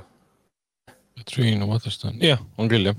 on jah, võrratu näitleja, nii armas ja nii tore, nad ja ta mängib siin nii hästi, et nad sobivad hästi kokku ja kuidagi hästi niisugune kelmikas ja seikluslik ja niisugune hästi niisugune voolav tunnetus on nendes filmides ja see tuletas mulle seda, seda filmi vaadata, neid mõned filmi vaadates, tuletas mulle meelde seda Harry Potteri vaatamise tunnet, ehk siis äh, antakse fantaasiamaailm ette, kus on palju saladusi ja eks siis umbes nii, et see meeldib, siis tule astu sisse ja naudi ja sa võid seda maailma, selle maailma kontekst täiega nautida ja ma, ja ma täiega naudin.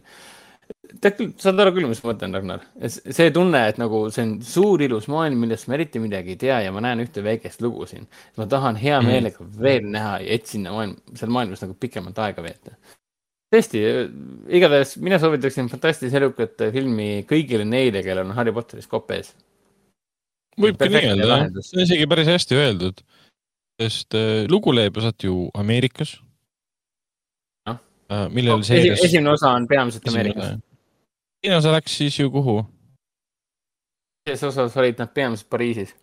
Pariisis täpselt, et me oleme Euroopas, me oleme muus maailmas, kus see võlumaailm on, võlumaailm pole ainult sigatüükas ega nendes, ega ministeeriumis, kogu maailm on tegelikult, et eh, kolmas osa võib minna kuhu iganes, võib minna Eestisse, kus on võlumaailm, võib minna kuskile Aafrika riiki näiteks, võib minna veel Venemaale või kuhu iganes, et maailm on suur ja lai ja mul on hea meel, et seda maailma laiendatakse. olgu, et kolmas osa on nüüd jah, selles mõttes nagu emmeldatud fänni, fännide poolt pahaks, sest, sest ühelt poolt Rowling eh, ja tema Twitter teiselt poolt siis Johnny Depp. Üks jah, aga kui rääkida headest asjadest, nagu selleks on äh, hea, hea koht, siis The Good Place, siis äh, meil sai see sari läbi, neli hooaega. ahah, äh, ja rohkem ei tulegi juurde? küll mitte, et, et see Aha. oli tõesti selline Ted Tensoni ja, ja Kristen. Kristen Bell? Bell Belli tähetund nii-öelda täiesti uus tulemine pärast noh, nende enda seriaale, mis see oli, Cheers ja, ja see Veronika Mars ja kõik siuksed asjad. mis tähendab, siin... Veel... Kristen Bell on ju Elsa, mis asja? Elsa.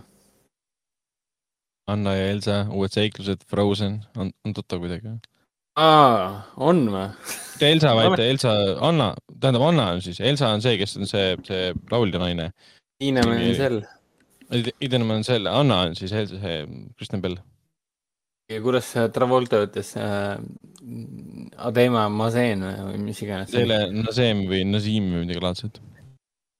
aga kui ma siin veel viimastes podcast'ides rääkisin, et veits kopp on ees sellest kolmandast hooajast, siis äh, ma eksisin, et äh, täpselt tundub, et nad ongi selle asja niimoodi kirjutanud, et äh, kui vähegi peaks tunne tekkima, et äh, noh, nüüd hakkab väsimus peale tulema või kord, kordamine, enesekordamine peale tulema, siis nad vahetavad käiku ja tulevad uute ideede peale. eelmistes podcast'ides ma kurtsin ka, et need uute ideedega peale tulemine, et see muutus ka ju äh, noh, tüütuks nii-öelda, sest need uued ideed on ka eelmiste ideede versioonid nii-öelda siis seekord nad nagu one-up isid ennast täiesti ja jätkuvalt pakuvad sulle uusi üllatusi. kohe, kui sa jõuad mõelda, et ah, nad ei suuda millegagi üllatada, siis nad üllatavad sind sellega. neljas hooaeg oli tõesti üllatusi täis ja lõpp oli nagu väga-väga emotsionaalne ja tõesti nagu väga hea seriaal. lõppkokkuvõttes soovitaksin kõigil Netflixis vaadata seda äh, Good Place'i, ikkagi Michael Shuri seriaal, öelda aga, aga nii erinev seriaal, mida Michael Suur äh, on nagu varem, varem teinud ja praegu teeb ja kõik siuksed asjad. aga noh, kellele meeldib selline, ütleme niimoodi, et pidev, pidev, pidev, pidev, pidev jutustamine erinevate tegelaste vahel ja pidev nalja tegemine ja suurte ideede lahtimõtestamine ja samal ajal nalja tegemine, siis see sarja sobib sulle väga hästi. Et siin viimases hooajas oli päris palju häid nalju, millega, mille, mille üle ma kõvasti naersin üks nendest naljadest oli see, kuidas äh, üks, siin on üks tegelane nimega Tahani Äh, kes on üks äh, rikkur põhimõtteliselt ja kes on harjunud äh, rikka eluviisiga. ja tema on sihuke inim, inimtüüp, kes armastab noh, name, name drop ida ehk siis ta armastab nimetada suuri, suuri tuntud kuulsusi, kellega ta on varem kokku puutunud. Mm -hmm. ja siis, kui see Ted Dansoni tegelane kurtis, et noh, inglise keeles see kõlab paremini, aga tema põhimõte oli see, et kurtis, et Eh, mul oli see kivi, mida ma nagu mäest üles tassisin ja veeretasin, et see oli minu elu eesmärk, et mida ma siis oma eluga peale hakkan, kui mul seda kivi enam ei ole. ehk siis uh, what do I do with my life when the rock is gone? Ja siis selle peale vastas Tahani, kes on kõikide neljanda hooaja, nelja hooaja jooksul uh, alati rääkinud oma suurtest tut tuttavatest. selle peale ütles Tahani, et kui see Ted Danson tegelane ütles, et what do I do when the rock is gone, siis Tahani vastas jaa Äh, täpselt seda äh, küsis minult ka Vin Diesel, kui nad läksid äh, Dwayne The Rock Johnsoniga tülli ja Dwayne The Rock Johnson ütles, et tema üheksandasse sellesse Fast and Furious'esse enam ei tule. ja siis see, see oli üks viimastest episoodidest, ma naersin ennast hästi ribadeks, see oli hästi ootamatu hetk, et nagu sellist nalja pole selles sarjas nagu veel olnudki. aga, aga jah, see on lihtsalt üks näide, missuguseid nalju siin vahetpidamata tehakse. aga väga äge seriaal äh,. siis ma räägiks äh,, noh, Rick ja Morty on Rick ja Morty, uus osa oli väga lahe, on ju, kõik on nõus. mis seal oli üldse? see oli ju see, kus need kohtasid oma beebid. Aa, see, see Voltron, Voltron anime. Goodfellas meets anime. Goodfellas äh, Godfather pluss siis, pluss siis Scarface pluss anime robots ja, ja, ja see oli päris andekas ja, ja vahelduseks oli episood, mis ühendus vanemate episoodidega, sest see kosmose veebi oli sellest sperma episoodist pärit siis.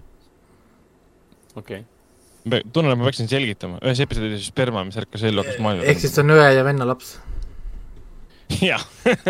Sest see oli jah, siis õe, õe muna tehti suureks. aga, aga jah, täpselt nii, täpselt nii. Jah, ei, ei, paneb edasi, mina olen fänn, kõik on tore siin elus, aga ma vaatasin HBO Maxi pealt sellist asja nagu The Prince, ma ei tea, kas teie jõudsite seda ma vaatasin seda mingi klippe, vaatasin mega lühikesed osad olid, mingi kuus minutit või viis minutit, mingi, mingi no, mega väiksed osad. natuke pikem vist oli, aga tõesti väga-väga lühikesed, ma ei tea, maksimaalselt vist kestis siin mingi asi kümme minutit või midagi sellist või hmm.? aga põhimõtteliselt äh, selle sarja looja on niisugune mees nagu Gary Janetti kes teeb siin sellele ühele tegelasele ka häält, ehk siis selle sarja peategelasele, Prince George'ile teeb ta ka häält. ei tea, kui vana see Prince George päriselus on, aga see pole tähtis, sest kedagi ei huvita äh,. aga Gary Janetti on tegelikult sihuke tüüp, kes on siis kirjutanud ka mm, stsenaariumeid Family Guy'le. ja ausalt öeldes seda sarja vaadates on väga-väga tunda, et ta on Family Guy taustaga. sest umbes selmi, sellist, noh, sarnast huumorit ka siin tehakse aga sari mõte on siis see, et nad eh, pilavad eh, vaese omaks eh, selle kuninganna, Briti kuninganna pere. kuningapere on vist absurdne öelda, sest Briti kuningat pole nagu Elizabethi isast saadik ei olnud, nii et noh, jah. Briti kuninganna pere. ta pilab selle vaese omaks ja siis ma, ma hakkasin seda vaatama tegelikult ainult ühel põhjusel, sest ma hakkasin nägema oma Facebooki feed'is äh, äh, igasuguseid äh, kurje mm, artikleid teemal, et äh, issand, kui häbitu, et Briti perekonnaliikmeid ah, niimoodi mõnitatakse. eriti, et peategelises pannakse väike süütu lapsuke ka veel, et teda niimoodi mõnitatakse. siis lugesin, noh, natuke lugesin, vaatasin neid pealkirju, mõtlesin, et okei okay,. järelikult ma pean seda vaatama hakkama, et kui nad siin niimoodi õiendavad, et see niimoodi ei tohi teha ja äh, ausalt öeldes äh, ega ta mul alguses väga ei istunud siin, jah, ta kolmteist, kolmteist kuni kaks, kaksteist kuni kolmteist minutit episoodi, tegelikult ta mulle väga ei istunud. aga kui siin mingisuguses teises või kolmandas osas äh, ilmusid välja Briti kuninganna palee all elavad albiino, albiino, albiino pimedad kokad, kes teevad kuningannale mingisugust erilist äh tarti, tart on selle asja nimi inglise keeles, igatahes mingi võiku või mis iganes, mingi eriline maiusroog äh,. sest nad on aastasadu seal all olnud, sest nad pidid leidma retsepti äh,. ja kui see moment oli möödas, siis ma mõtlesin, et okei okay,, see on ikka täitsa Family Guy lookalike, et ma võin seda edasi vaadata, et mulle, mulle selline eriti loll huumor nagu täitsa meeldib et äh, eriti mulle meeldib see Camilla või äh,? Kurat, need Briti kuningaliik-, kuninganna pere liikmed on no,. ära minu käest küsi. see tema poe, mis tema poja nimi on, Elizabethi poja nimi? ei tea ühtegi, ma ei tea, prints William on üht, üht, üht, üht, ühte nime ma tean. prints Philip, ei, Philip oli see, kes ära suri, fuck, ma ei tea. uskumatu, ma olen um,. Need on need lapsed. me teame, me teame, keda sa mõtled, aga me ei tea nende nimesid. igatahes see kuninganna Elizabethi kuradi see poeg, noh, see vanem mees, kelle naine on Camilla. Mulle see Camilla tegelane kõige rohkem meeldib, sest teda äh, mõnitatakse vaese omaks, sest ta ei räägi mitte midagi siin. ja see tema, tema abikaasa ehk siis Elizabethi poeg ja räägib tema ees kogu aeg ja siis see Camilla muud ei tee, kui raputab pead kogu aeg, kui see tema abikaasa tahab, et ta teeks midagi. kogu aeg mingi raputab pead, mingi, ei jumala eest, ära palu mul midagi teha, ma ei taha midagi teha ja siis aeg-ajalt nad annavad talle suhkrutükke. Ka millega sa tahad suhkurt ja siis ta ajab oma huuled frunti ja võtab hästi ettevaatlikult nagu hobune, võtab, võtab suhkurt. mida kurat? siin on hästi palju selliseid perversseid asju, et noh, noh see Elizabethi abikaasa ju suri ära, mis iganes ta nimi oli äh,. Philip, ma eeldan. vist, vist ja tema üle tehakse ka siin väga-väga kõvasti nalja, sest ta on mingi kõndiv muumia, kelle lõuad surutakse jalgadega ja rusikatega lahti, et ta hommikul saaks teed süüa, juua ja, ja neid küpsiseid süüa. ja see on, see on nii absurdne, see on niivõrd loll. Ja see suhtumine selline ka, et vau, kuidas HBO Max on, HBO Maxil on ikka munad, et nagu selle asja ikka ette võtsid. Äh, et ma ise jõudsin äh, vist vii-, ei, kuuenda episoodini ja seda on veel, pool on veel vaadata, kaksteist tükki on kokku et äh, mina ei tea, mulle täitsa nagu meeldis, meeldib see, et inimestele ei meeldi see, siis ma hakkasin kohe vaatama ja tuli välja, et täitsa tore on. Äh, ja rohkem ma ei olegi midagi vaadanud. no selge, äh, mina vaatasin ka Rick and Mortit, vaatasin Kingdomi teise hooaja lõpuni, mul oli kaks viimast osa vaadata. eelviimane episood oli kolmkümmend minutit, mis oli üks suur võimas badass lahing ja viimane episood tekitas mul hästi palju segadust, aga see oli segadus tingitud pigem sellest, et tahtsin kohe vastuseid, ma ei tahtnud seda, et mingi seven years later ja siis tuleb flashback, mis selgitab ära, mis juhtus vahepeal uh,. igatahes ma ootan väga kolmandat hooaega, kui see üldse kunagi tuleb, peaks ikka tulema.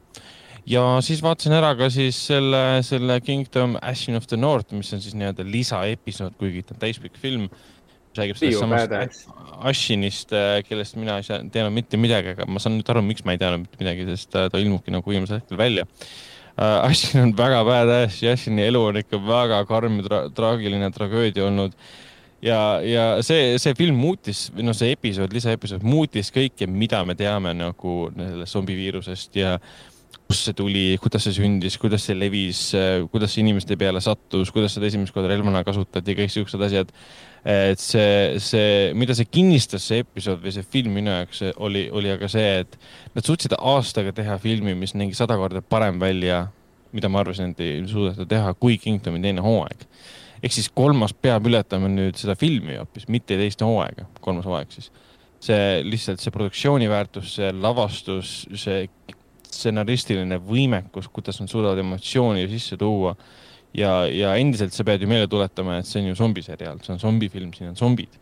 aga see on ikkagi, ikkagi allegooria, ilmselgelt see on allegooria, see on allegooria ühe vana kuningriigi sisemisest, sise, sisemistest lahkhelidest, sisemistest konfliktidest ja, ja draamadest. zombid võivad seal sama hästi olla katk, see võib sama hästi olla sõda, mis seal on ka niikuinii olemas. ja see on igatipidi meisterlik seriaal ja film mis pole üldse üllatav, sest äh, Raiko ja Hendrik on siin saates seda korduvalt kiitnud, kes on ammu seda ära vaadanud, mina lihtsalt jõuan pika kaarega sinna. ja hämmastav, lihtsalt, lihtsalt hämmastav. Äh, ja siis vaatasin esimest korda elus ära Airplane'i, Airplane hüüumärk miks ma seda tegin, ongi sellepärast, ma tahtsin mingit komöödiat näha, ma tahtsin mingit klassikalist komöödiat näha ja kuna mul on hästi palju Airplane'ist kasutanud kihvi, kus siis ähm,. kigistab jah? Tüüp higistab, see Robert Hayes higistab ja siis ma mõtlesin ja ma tean, et siin on Leslie Nielsen ka, et ma pean selle filmi ikkagi ära vaatama ja ma vaatasin. mulle väga meeldis, see on vabalt üks, üks parimaid komöödia, mis kunagi tehtud on. minule See- see, minu lemmikstseen on, kus ta on, sõidavad seal kõik seal riviseb, proovivad seda naist maha rahustada. rahune maha. Calm down. lennuk läheb sinna, raputab, raputab lööb käega näkku talle ja, ja siin lõpupoole ka, kui lennuk maandub, kõik on nagu ilge stressis, Leslie Nielsen astub kolm korda sisse, teeb ukse lahti mingi. me kõik loodame teie peale.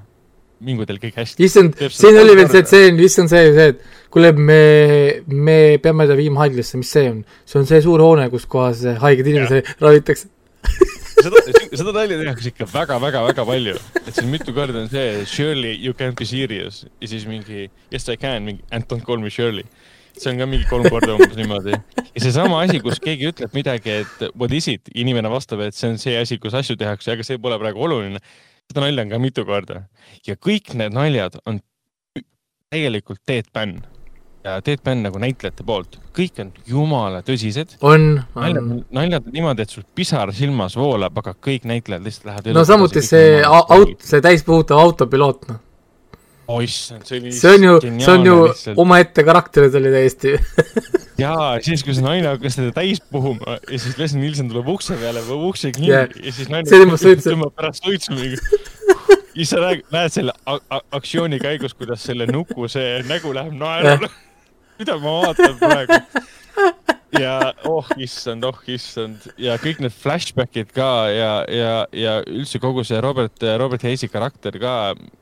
ma mõtlesin, kus ma teda tuttavana näen ja kuidagi, kuidagi tuttavad teatud karakterid ja muidugi ongi, sest need Suk-, Sukkeri vennad, David ja Jerry Sukker ja Jim Abrams, nad on kõik ju tegelikult loonudki maailma parimad äh, komöödiafilmid, et Jim Abrams äh, oli ju, oli ju siis Top Secreti režissöör, üks režissööridest. ta oli ka siis selle ähm, Hot Shots mõlema filmi režissöör, et mida me nagu siis äh, üldse ootame, et äh, Jerry ja David Zucker samamoodi tegid ju Jim Abramsiga koos esimese Naked Gun'i filmi, noh, režissöör oli siis David Zucker. Ja esimesed, esimesed kaks Naked Gun'is David Zucker lavastas, ehk siis jällegi kõige aja- ajalooliselt kõige võimsamad asjad, okei okay,, David Zucker ja, ja siis, siis Jerry Zucker hakkasid tegema neid Scary Movie kolme ja nelja, kui nad võtsid Wyansit üle kõik. kolm oli veel okei okay,, neli oli ka okei okay., siis edasi läks kõik muidugi metsa. aga see on näha, sest noh, ma hakkasin vaatama ka neid filmitegijaid, et Jerry Zucker on teinud hästi palju komöödiaid oma vennaga koos. siis ta lavastas Ghosti no see legendaarne Ghost, kus, kus Patrick Swayze ja Demi Moore ja Whoopi Goldberg ja üks on vaim ja nad on kurvad ja teevad fallaslikku seda see oli tema film või? see oli tema lavastatud ja ta lavastas First Nighti ka. First Night Sean Connery, Richard Gere ja Julia Ormondiga, kas te mäletate seda filmi? ta lavastas Rat Race'i aastal kaks tuhat üks, mida ma mäletan telekast, ma vaatasin kogu aeg äh, Ro- Rowan Atkinsoniga ja nad on kõik täitsa, täitsa elusad, aga nad ei tee enam midagi. Jerry Zucker ei ole ammu juba midagi teinud, David Zucker, ma vaatasin ka ei ole midagi eriti teinud. Jim Abrams, tema vist on nüüd lahkunud, ei, kõik on elus, kõik no on seitsmekümnendatel. vana, vanad mehed ka juba, et täitub küll. Nad ei, nad ei oskaks ilmselt selles maailmas enam olla, aga Airplane ise juba filmi algustiitrid lihtsalt sa näed, näed, näed pilvi. Siis tuleb Josie muusika peale ja lennukid tiibli. aga see lõpp oli ju ka, kus nad kõik seisavad paigal ja siis see set laguneb ära. ja, ja see on ka geniaalne. ja, ja seal on noh, siuksed kohad järjest, et kus üks, üks lennukipiloot hakkab siis rääkima teisele piloodile oma tunnetest ja kõigest sellest, et kõik lähevad ammu minema ja siis ta räägib seal kolm tundi edasi. kõik on ammu ära läinud, musitavad kuskil lennuki juures, mis on ära maandunud. ja, ja lihtsalt ja, ja, ja, sõna otseses mõttes seal oli koht, kus öeldakse, et aa ah,, shit has hit the fan. ja siis meanwhile sul on tiivik on kuskil kontoris, seal lennujaama kontoris ja siit lendab sinna sisse. sa ei oota seda, aga sa nagu vaatad, jah, see on, sa ei ootagi midagi enamat, see on väga sobilik. sa vaatad, mõtled, vaatad seda kaadrit, ma vaatasin mitu korda seda. keegi leidis perfektse materjali, töötaks sitana, mis lendab läbi fääni ja see töö oli nii puhas ja ilus, ma tegin sellest kihvi ka ja ma hakkan seda kasutama vestlustes ähm,. kui, kui ma ei tea, esmaspäeval vaatame, et töötab üks inimene kinno näiteks. aga jah, seda saab vaadata ju vist Prime videos oli minu arust olemas see ju. ta oli Äh, ju jah, on- meie, meie Prime videos alati seal esi, esilehel aeg, vaadake, vaadake Airplane, Airplane. jah, vaadake kindlasti.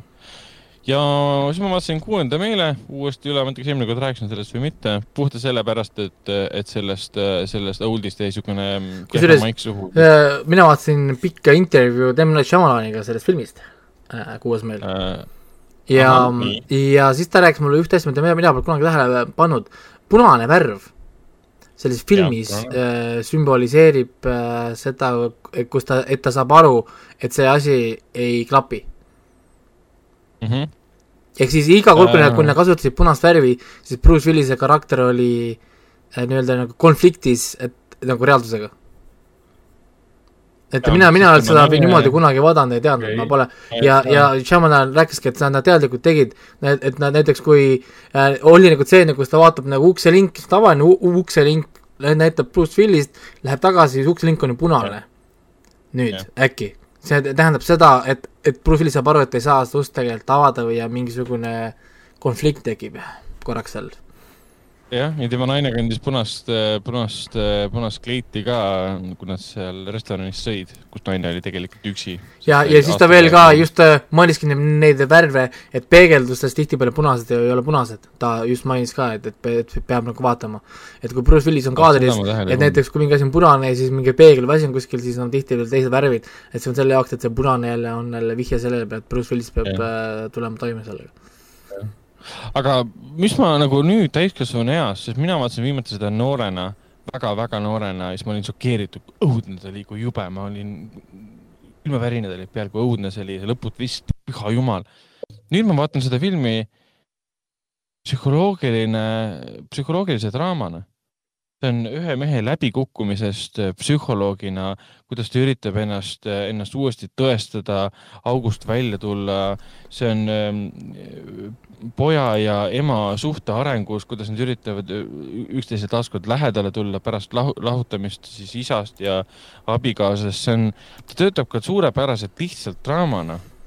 ta Ja on nagu full, full full blown draama tegelikult, samamoodi nagu oli ka Unbreakable. jah, sest film on põhimõtteliselt, noh, võib öelda, film on nagu läbi põhimõtteliselt siis, kui öeldakse talle, et äh, I see dead people.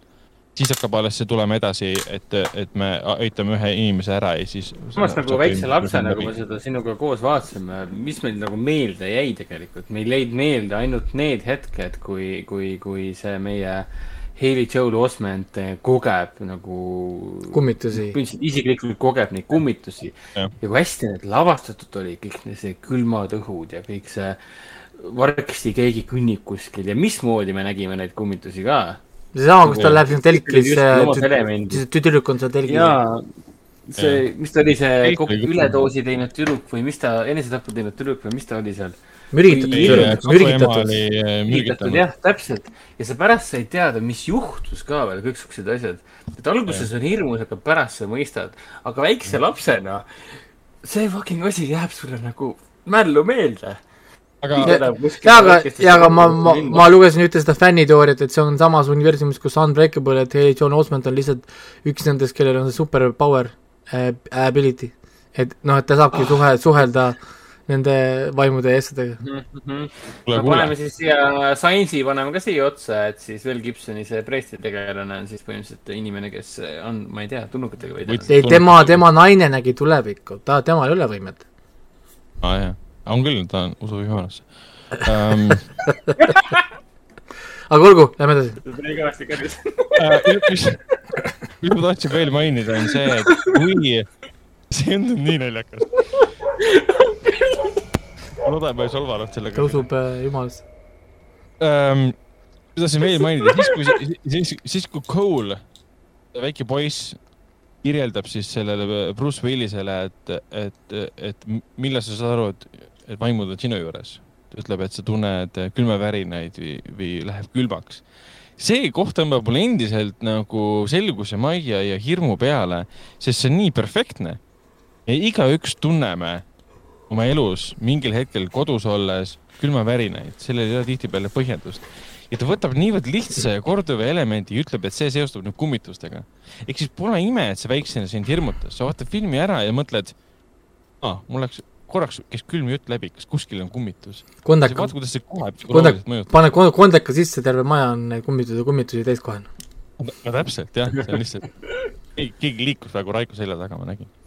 Aga liigume, liigume edasi, ma mainin kähku niimoodi ära, et ma vahepeal sain. aga ma tahtsin mainida seda, et mul on samamoodi, et mul, mul väike see kolme, kolmekuune tohver mõnikord mingi mängib temaga siin, teed talle harjutusi, värki ja tema vaatab fikseerituna kuskile nurka ja siis naerab. ja, naeratab sinna nurka.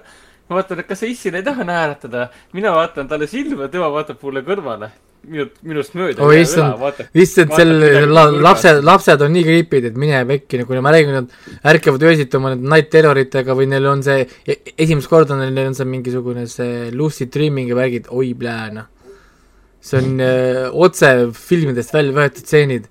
see on nagu üks-ühele, ma räägin sedasama, kus väikene tütar mul öösel karjus paanikas seisab nurgas, kükitab, vaatab nagu nurka noh, ja siis on vaikus äkki. ja siis mina pean minema, keerama ta ümber või, vaata aru, noh nagu. võtad no. padja ja viskad ei no võtadki mingi pulga või ahjuroobi, vaata. Keerad selle ahjuroobiga teda. Issand jumal, ahjuroobi. Tütrele. Siis keegi astub, astub öö, öö, öösel sisse, tüdruk on nurgas, nutab, mul on ahjuroop käes. Ja siis I can explain kusjuures mul täna, täna öösel. ma saan seda seletada. täna öösel läksin magama, olin, vaatasin mingi kaks osa Office'it jälle siis kolmandast hooajast või kaugele ma olen ära, kaugele olen vaadanud. Läksin magama, ma võin vanduda, et ma kuulsin, kuidas keegi sosistab mulle kõrva. nagu sõnu ka, aga tegelikult see oli minu väike tohver, kes läbi une teeb seda, teeb seda klassikalist mingit prõgisevat häält umbes nagu väike zombi kuskil Resident Evilist. Eh, klassikalis, mis häält, sest ma, ma, ma, ma niisugust häält ei tea, et lapsed teeks ei, see on see, kui ta läbi une pu-, puksutab ja, ja, ja prõgiseb seal nii-öelda. päris hirmus on. ma, ma arvasin, et ma olen sellega juba ära harjunud. beebid, beebid on, on, beebid on hirmsad, on küll. ootamatusi täis või siis seesama, et, et äh, öösel lähed hiilid vaikselt, vaata, kuuled, et beebi magab, onju, hiilid vaikselt vetsu ja siis keerad ümber, see laps seisab püsti, vaata seal voodis, vaikselt vaatab sulle otsa. sul süda jääb seisma, sa kukud pikali maha, sest noh, sa ärkad ülesse, vaata, beebi magab, kuuled seda. okei okay,, selge, vaikselt hiilid seda värki, siis ma räägin, keerad ümber, laps on püsti, vaatab sulle silma. siis nagu pumaki, what? noh, no ja siis kõige haigem on see, et käid ära vetsus, siis tule tagasi, laps on tagasi, kus ta oli, pikali maas nagu oleks midagi muutunud. kas see praegu juhtus? jah, et poleks nagu olnudki, on see, et hmm, kas ma nüüd nägin beebit või ma ei näinud beebit? nii et selles mõttes jah vot, aga, aga ma mainin nii palju ära, et ma sain Jaapanis kätte oma legend penistist ookeanil ehk The Legend of 1900 ähm, Blu-ray, 4K Blu-ray kätte. Äh, see tuli siis nädal aega kohale. Äh, tegemist on siis Giuseppe Tornatore filmiga, äh, kui see nimi midagi ei ütle, siis Cinema Paradiso ja Monika Bellucci, Malena kindlasti ütlevad, tema on ka nende filmide reisijal. ja see on tema üheksakümne kaheksanda aasta film Tim Rottiga peaosas. Ähm, film kukkus omal ajal kinodes, USA kinodes täielikult läbi, teenis kakssada viiskümmend üheksa tuhat natukene ja nüüd ta lasti Hiinas kaks tuhat üheksateist uuesti välja. Äh, Hiinas ja Aasias ja kus ta teenis kakskümmend miljonit Äh, rahvas tuli vaatama ja siis lasti ka siis 4K Blu-ray välja ja mina siis tellisin selle sealt Aasia kinost ja äh,, Aasia siis poest tähendab ja ma juba vaikselt testisin ka, kõik näeb väga kena välja, seal on tavaline Blu-ray ka kaasas. ja ma vaatan ta, vaatan ta nüüd ära, see on üks minu lemmikfilme lapsepõlvest ja tegelikult Raikol, Raiko on sama asja öelnud, et see on üks tema lemmikfilme lapsepõlvest. oli, ma, ma tegin sellest kunagi kooli jaoks essee ka, et miks, miks see on minu lemmikfilm kui keegi ei tea, milles see on, siis piisab sellest, et siin on Tim Roth mängib maailma parimat pianisti, kes elab ookeani aurikul äh, laeval siis. ja ta, ja ta kunagi lahkus sealt jah, ja siin on vägevaid stseene vasakul ja paremal. Oh,. lihtsalt siin on duellid, siin on äh,, kuidas nüüd öelda, klaveriduellid, siin on, siin on võimsad muusikalised momendid. Ja, ja enne kui edasi liigume, tegelikult ei peakski pikalt peatuma, ma räägin temast siis pikemalt, kui ma olen ära vaadanud. Ennio Morricone tegi filmile muusika legendaarne Ennio Morricone, kes on meie hulgast nüüdseks küll juba lahkunud äh,. lahkus ta siis eelmisel aastal, oligi kuuendal. see oli ju see, et Good, Bad and Ugly või? Good, Bad and Ugly, Sergei Leone, Sergei Leone siis ähm, vesterni filmide re, äh, muusika autor. kõige legendaarsemad võimalikud äh, muusikapalad üldse. täpselt. ta-ta-ta ja eks Morricone on hoopis teistsuguseid asju ka teinud, mitte ainult, ainult, ainult vestern ja see film on hea näide sellest. mis on muidugi irooniline, on see, et Morricone pidi tegema muusika pianistile, kes on maailma parim pianist. ja Morricone tegi põhimõtteliselt maailma parima muusika um,. see on jah, et ta, et ta on niivõrd hea, et ta, talle võib anda loo kätte, mis räägib maailma parimast inimesest, maailma parimast muusikust ja, ja teebki maailma parima muusika vot, aga liigume edasi, räägime korraks siis ka kinofilmidest, millest enamus on ära, ära näinud Raiko. Eh, kuuendal augustil, see on siis reedene päev, alustas eh, Foorum Cinemas kinodes, mis filmid? alustas eh, Suitsiidisalk, uus missioon inglise keeles. The, The Suicide Squad. siis alustas ka äh, Simsonite filmi režissööri ja, ja üldse Simsonite sarja üks, üks loojatest, mitte loojatest, vaid tegijatest. mis praegu nimi oli? David Silverman, äkki midagi sellist või mm? -hmm. võin eksida ka. tema tegi uue siukse toreda mm, animatsiooni, arvutianimatsiooni, mille pealkiri on siis Sõõrud ehk siis Extinct Äh, ja räägib see lihtsalt väikestest äh, sõõrikukujulistest äh, tegelinskitest, kes avastavad, et nad on välja surnud ja nad lähevad siis ajas tagasi, et päästa ennast ja välja suremisest. ja tema nimi oli jah David Silverman. see on nii veider, et. nii? ei ole treilerit vaadanud, siis vaadake ära, te armute kohe ära, et väga nunnud tegelased. see on väga hea, et filmi eestikeelne tõlge ei ole väljasuremine sest ja, otse, otsetähenduses on jah extinct, aga sa ei saa panna laste animatsiooni. jah, et, äh, et see on umbes sama, et millal me suitsiidi vaatame. oota, aga kas see ei olnud ju jääaeg, väljasuremine polnud? oli küll. jaa, aga päästerõngas on see, et e e eespool on esimene liide on ikkagi nagu jääaeg, see nagu päästab. täpselt. aga mis veel? Gladiator, igal kolmapäeval augustis saab vaadata Gladiatorit kolm. see on juba müügis. kolm korda veel. Äh, meie, meie, meie, meie üheksas saal Coca-Cola Plazas läbis uuenduskuuri, sai uued toorid, uue vaiba, uue, uued seinakatted äh, ja värskelt, värskelt renoveeritud äh, selles saalis saabki seda järgmisena vaadata. täna toole testimas ka, väga vahvad toolid. mis saal see oli? üheksas saal üheksas saal, issand, ma pole seal nii ammu käinud. me siuksed luuserid käime ainult Icelandsis, noh. me ei käi, ma käin põhimõtteliselt ainult selles äh, A Le Coq's Suites. no täpselt, jah, ma isegi ei tea, mis teistes saardes toimub. siis ma olen ka käinud, aga, aga, aga ma satun ainult Icelandsi või, või Sweet'i tõesti. pressikaid toimub, siis ma olen ainult, ainult Sweet'is nii, aga, liigume, liigume. kinos, kinos, kinos Artis äh, samamoodi juba tegelikult neljapäevast on jooksnud Quentin Dupieux, vabandust kõikide prantsuse keelt kõnelevate inimeste ees, äh, sest see võis olla väga halb. uus film Kärbes, Mandiblus, Mandibuls, igatahes Kärbes alustas jällegi, vabandust, prantsuse keelt kõnelevate inimeste ees. kärbes on tema uus absurdikomöödia, lühike film alla, alla pooleteist tunni on ta pikk, ähm, see on sama reisijal, kes tõi meieni siis äh, kummi, oli vist kummi eestikeelne tõlge, Rubber, kus siis äh, autorehv tappis inimesi. ta tõi meieni ka siis eelmisel aastal siin, äh, siin eelmisel PÖFFil tähendab siis Deerskin'i, kus siis Jean Durajean mängis hullu meest, kes tahtis filmi teha ja kellel oli hirvenahast jakk, millest ta oli ära armunud ja tappis kõiki inimesi, kes seda jakki ähm, maha tegid ja kes ei olnud sellesse nii arvanud kui tema.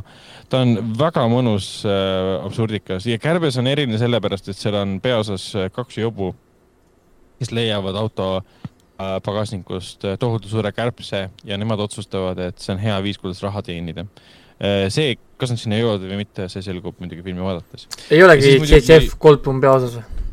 Äh, ei ole, ei ole, see ei ole The Fly um,. see ei ole prantsuse remake Jeff Goldblumi filmist uh,, mis omakorda oli ka remake tegelikult. Uh, jah, ja siis on meil ka Hispaania komöödia, orgasmiline komöödiadraama Ülakorruse rahvas uh,, mis on tege-, uh, nagu täispikk film ühest õhtusöögist kahe paari vahel, mis läheb uskumatult piinlikuks, aga seeläbi väga naljakas. kas see oli PÖFFil ka või? ei, oli küll jah, jah, People Upstairs ehk siis sent-, Sentimentale, ta oli PÖFFil ka, jah, täpselt Äh, ja siis sõõrub ka. aga mis filmidest me räägime? me räägimegi Gladiatorist, me Aa, oleme ära rääkinud. ei, enne peaks mainima, et praegu on Tartuf käimas ka, seda tasu unustada, sest sa saad vaadata Elisa sellest, Elisa Stage või äh, sealt saab vaadata filme. hetkel on juba neli filmi saadaval ka, Küborgite isa, Tulega kirjutades, see Punta Sakra ja Vigra, või Iga Maatriksis ka, tegelikult ma üldse nendest ei rääkinud ka, ma vaatasin neid ka ju siin. Okei okay., need siis järgmine kord, ma räägin siis Tartufi filmidest äkki järgmine kord siis. ma ei ole Tartufiga üldse kursis praegu, Terna on sõjas, on seal Kärgatus. kärgatus on ka nüüd saadaval jah, et ja neid filme saab vaadata kuni üksteist august ähm, õht-, nagu südaööni. ehk siis äh, täna on meil kuues saade läheb üles seitsmendal, ehk siis neli päeva on veel jäänud, kui saab seda vaadata filme, nii et sellest on aega küll ja küll, et, et vaadata ja kohe tuleb hõhv otsa, nii et vaadake praegu ära, sest juba hõhv, hõhvil juba on juba te juba oh, teine teema. järgmine nädal üldse saadet vist tõenäoliselt ei toimugi vist, sest on hõhv. Te olete ju õhtul, mul on muidugi, mul on muidugi läppar kaasas ja iseenesest mikrofon ka kaasas. et kui mul õnnestub enne kolmeteistkümnendat ära teha, äkki siis neljapäeval, siis võime teha ju. vaatame, ühesõnaga sinna, sinna jõuab. aga olgu, lähme nüüd kinofilmide juurde, et äh, ma teeme vaatasin lihtsalt, op- otse, te teete otse reportaaži, noh. Laivis! samal ajal, kui te hommikul Borschi sööte, siis teete seal kuradi ja siis äh, pärast väikse lõ- podcast lõikame, lõikame kokku need viieminutilised klipid. nii, äh, keegi vahele tahab Jungle, filmidest rääkida. Jungle Cruise, Snake Eyes ja The Suicide Squad. Äh, Jungle Cruise'ist Hendrik juba korra rääkis. rohkem, rohkem, rohkem ma ei jõudnud vaadata, aa, nii vähe, uskumatu. kahjuks jah, ma rohkem ei jõudnud. aga jah, Jungle, ma räägin kiiresti Jungle Cruise, no Jungle Cruise on puhas Kariibi mere koopia, Muumia pluss äh, Meets Kariibi mere praegu, see on, see on, see on niisugune nii üks-ühele koopia vahepeal, et neil endal peaks äh, piinlik olema. täpselt nii nagu Hendrik, Hendrik ka eelmine kord ütles, et äh, ehk siis hmm,. Et, et, et peaks piinlik olema, kas film oli halb siis? ei ta ei ole nagu halb film, aga, aga jah, ta on, tundub nagu plagiaat. et selles mõttes, et ta on, ta on nagu hästi tehtud koopia. et, et aga jah, ta on küll käsitlane seiklusfilm, väga hea, mida perega vaadata, siis brain shut down ja vaatad lihtsalt. Emily, Emily Blunt sobib äh, The Rockiga, neil on, neil on huvitav keemia, mina noh, hakkasin ka mõtlema, et, et no nagu selles pitch meeting us oli, et, et nad, et nad muudavad The Rocki Rockiks või? Noh, nagu et, et niisugused, niisugused äh, hu- huvitavad pannid on neil siin, aga ei, selles mõttes ta on hea film, soovitan nagu vaadata küll, ta on piisavalt potentsiaalikas küll, et, et teha mingi väike järg siia või mingi minitriloogia siit tekitada ja nad lõpetavad filmi ka ära mugavalt niimoodi, et siit võib minna edasi äh,, nad see, Tyroki karakter või noh, Dwayne Johnsoni karakter on nii mahukas oma stuff'iga, et, et sinna võib tõesti mm, filmide, filmide viisi veel stuff'i sinna toppida, et ei tea äh,, mis seal Disney plaanid on, aga, aga ma arvan, et küll, et, et see noh, kui ta, kui ta ainult äh, kinos oleks, tõenäoliselt oleks ta edukam kui nagu Disney plussiga, kes kuidagi vaikselt tuli. ma isegi ei teadnud, et ta Disney plussi läks näiteks otse, noh nagu ma nagu isegi ei teadnud, et see Disney film oli. et, et kui, kui nagu oled juba kinos siis hakkab see Disney see pihta, siis on see hmm, see on Disney oma või? okei okay., noh nagu Eh, selles mõttes jah, nagu, et ei tea, mis neil plaanid on, guugeldasin, mingit infot hetkel pole, nii et, et eks see näha ole, mis, mis ja kuidas, sest noh, Kariibi mere plaadid, nad tegid ju mingi kakskümmend viis tükki neid ja ja, ja, ja, ja raha raha printisid ju nii, et ja sellest on ka mingi reboot tulemas kindlasti varsti. on, on, Siis- praegu püüavad välja mõelda, kuidas seda seeriat jätkata ilma, ilma Johnny Deppita. jah, siis ma vaatasin Snake Eyes äh,, kus, kus on äh,, kus on stsenaarium et, et, et äh, ük- ük- ük- üks, üks, üks väike asi unu- ununes ära, kui nad seda filmi tegema hakkasid. see noh, stsenaarium kahjuks. et veider, veider, kahju muidugi see muidugi sellest, et, et siin oli võetud Iko ja Gensi äh, Tanigaki niisugune nagu tiim, siis tegema seda action stseene ja koreograafiat ja fight'e ja asju, siis nad ka ei kasutanud peaaegu üldse neid ära. ma vähemalt ma loodan, et mehed said palju, palju, palju, palju raha.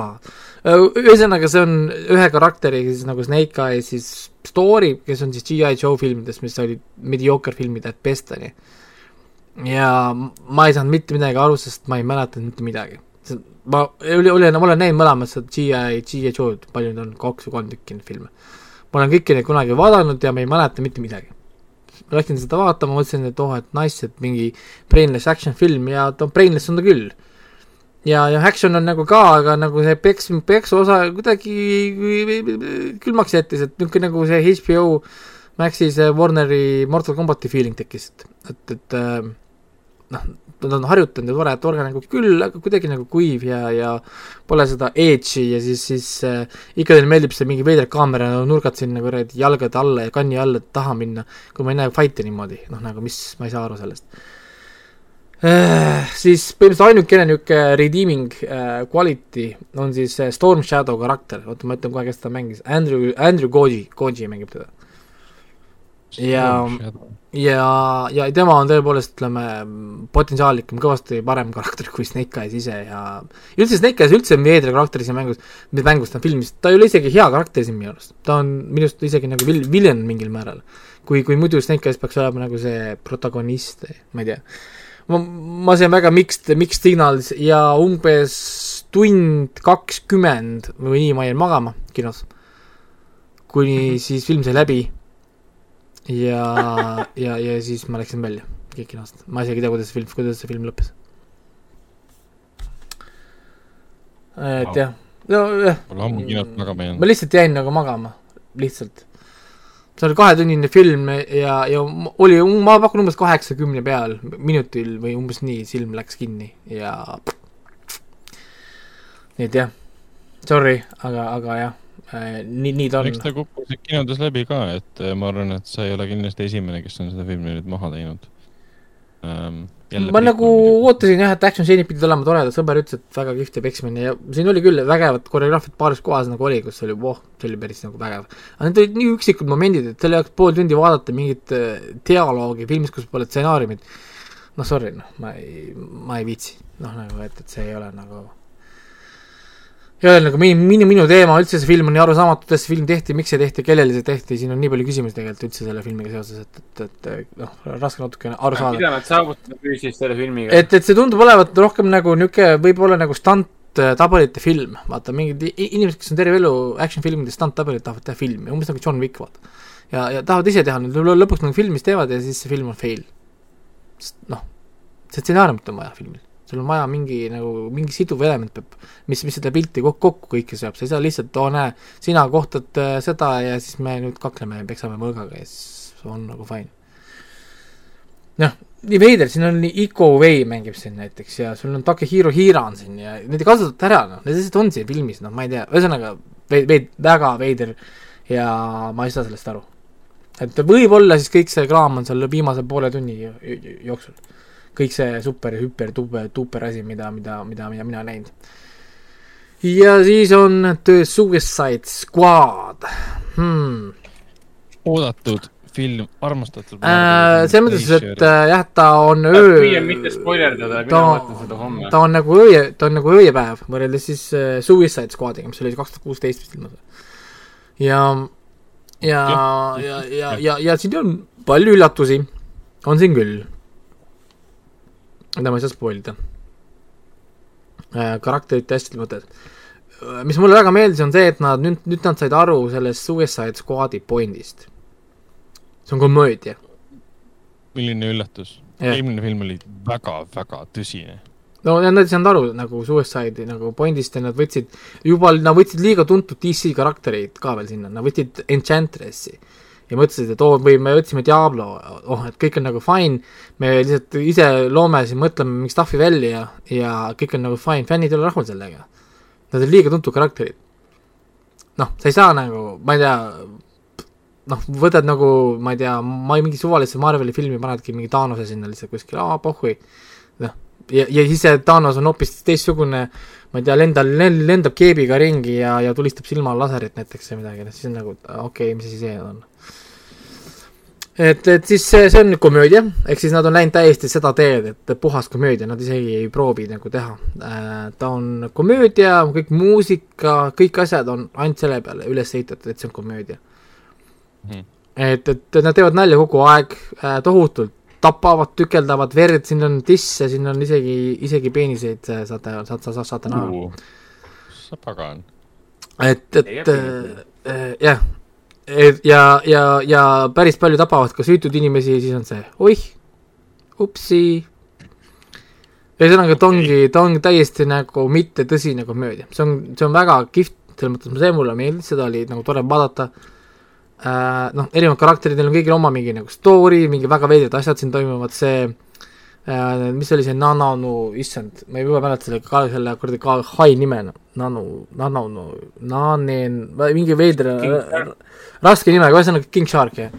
see on minu lemmikkarakter siin kogu selles filmis. Et äh, mul juba, no ma nägin juba Ninegagis paar mi-, meemi näiteks seal oli, kuidas anti-vaxxerid raamatud loevad ja siis seal oli see filmist võetud see kaader, kus kohas see hai istub äh, kongis, tal on raamat tagurpidi käes ja siis äh, I book, I smart. Sylvester Stallone'i hääl ka veel.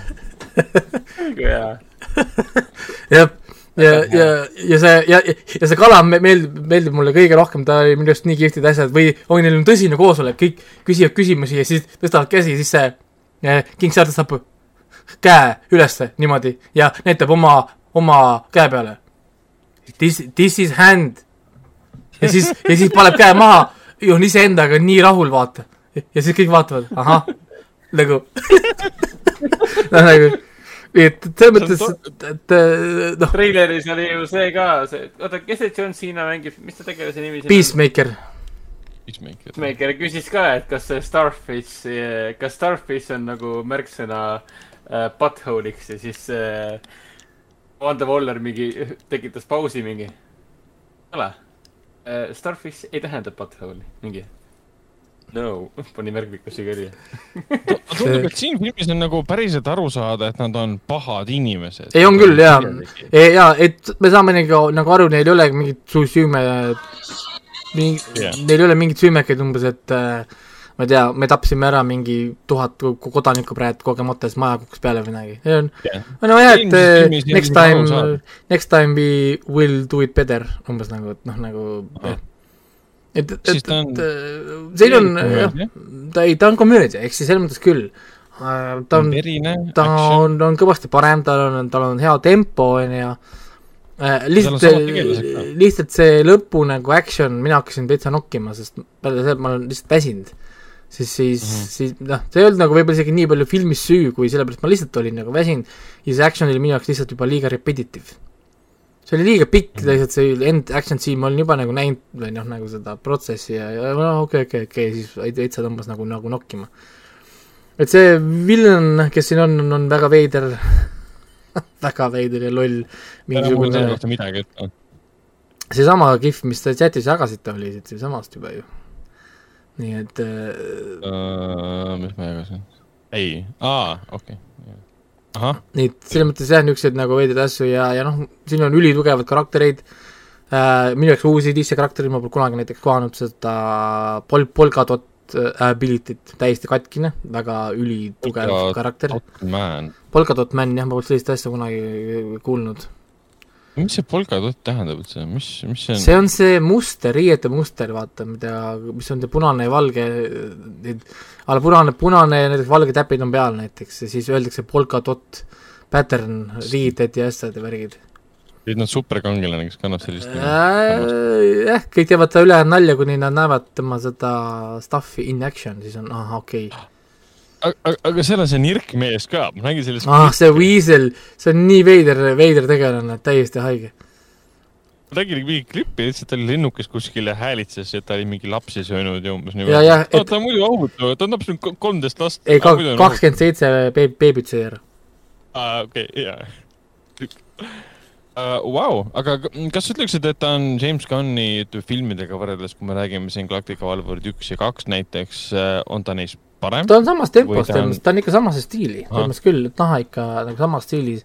ja ongi, ta ei võta üldse tõsiselt, eks ehk siis ta mitte tõsisena, sa, ta võtab nii palju kriitikat vaata ära. muidu ma tahaksin seda Harley Quinni äh, tohutult kiruda praegu. sest Har-, Harley Quinnil tegelikult ei ole ju super power'it, ta on tegelikult mingi toaline professor või mis ta oli, see teadlane. onju. psühholoog või? jah, jah, aga siin ta teeb asju, mis on nagu way over the top nagu isegi superheerode mõistes nagu. aga aga ta oli Jokeri girlfriend. nojah, on, ta on sama hull. aga nagu, nagu siin ta, sorry noh, mida, mis stuff'i ta siin korraldab, see on ei, bona fide superhero. nii nii, nii et jah, aga ei, Harley, Harley Quinn kannab seda filmi päris, päris nagu palju.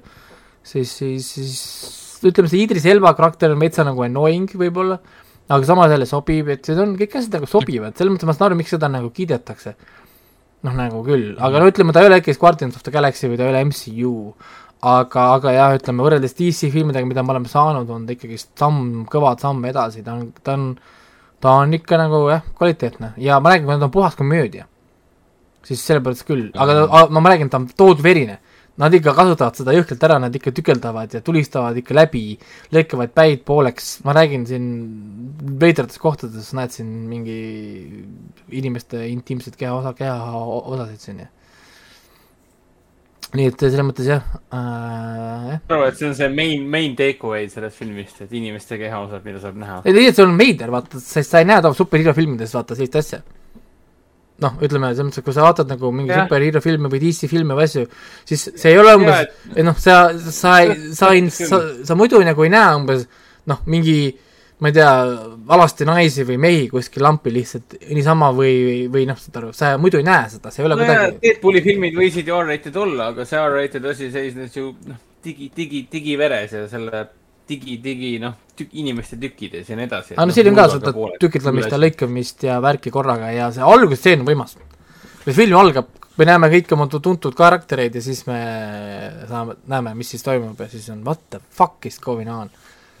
ja siis on suur title drop ja film hakkab tegelikult pihta alles, nii et äh, äh, mis siis ikka äh,, ma rohkem ei saa rääkida, sest äh, kõik on niisugune spoilerdamine küll äh,, me palju ka, palju karaktereid, keda me juba nägime eelmises Suvuste Squadi filmis, nii palju ma igal juhul ütlen, et see film tegelikult kordagi ei lükka ümber eelmist filmi.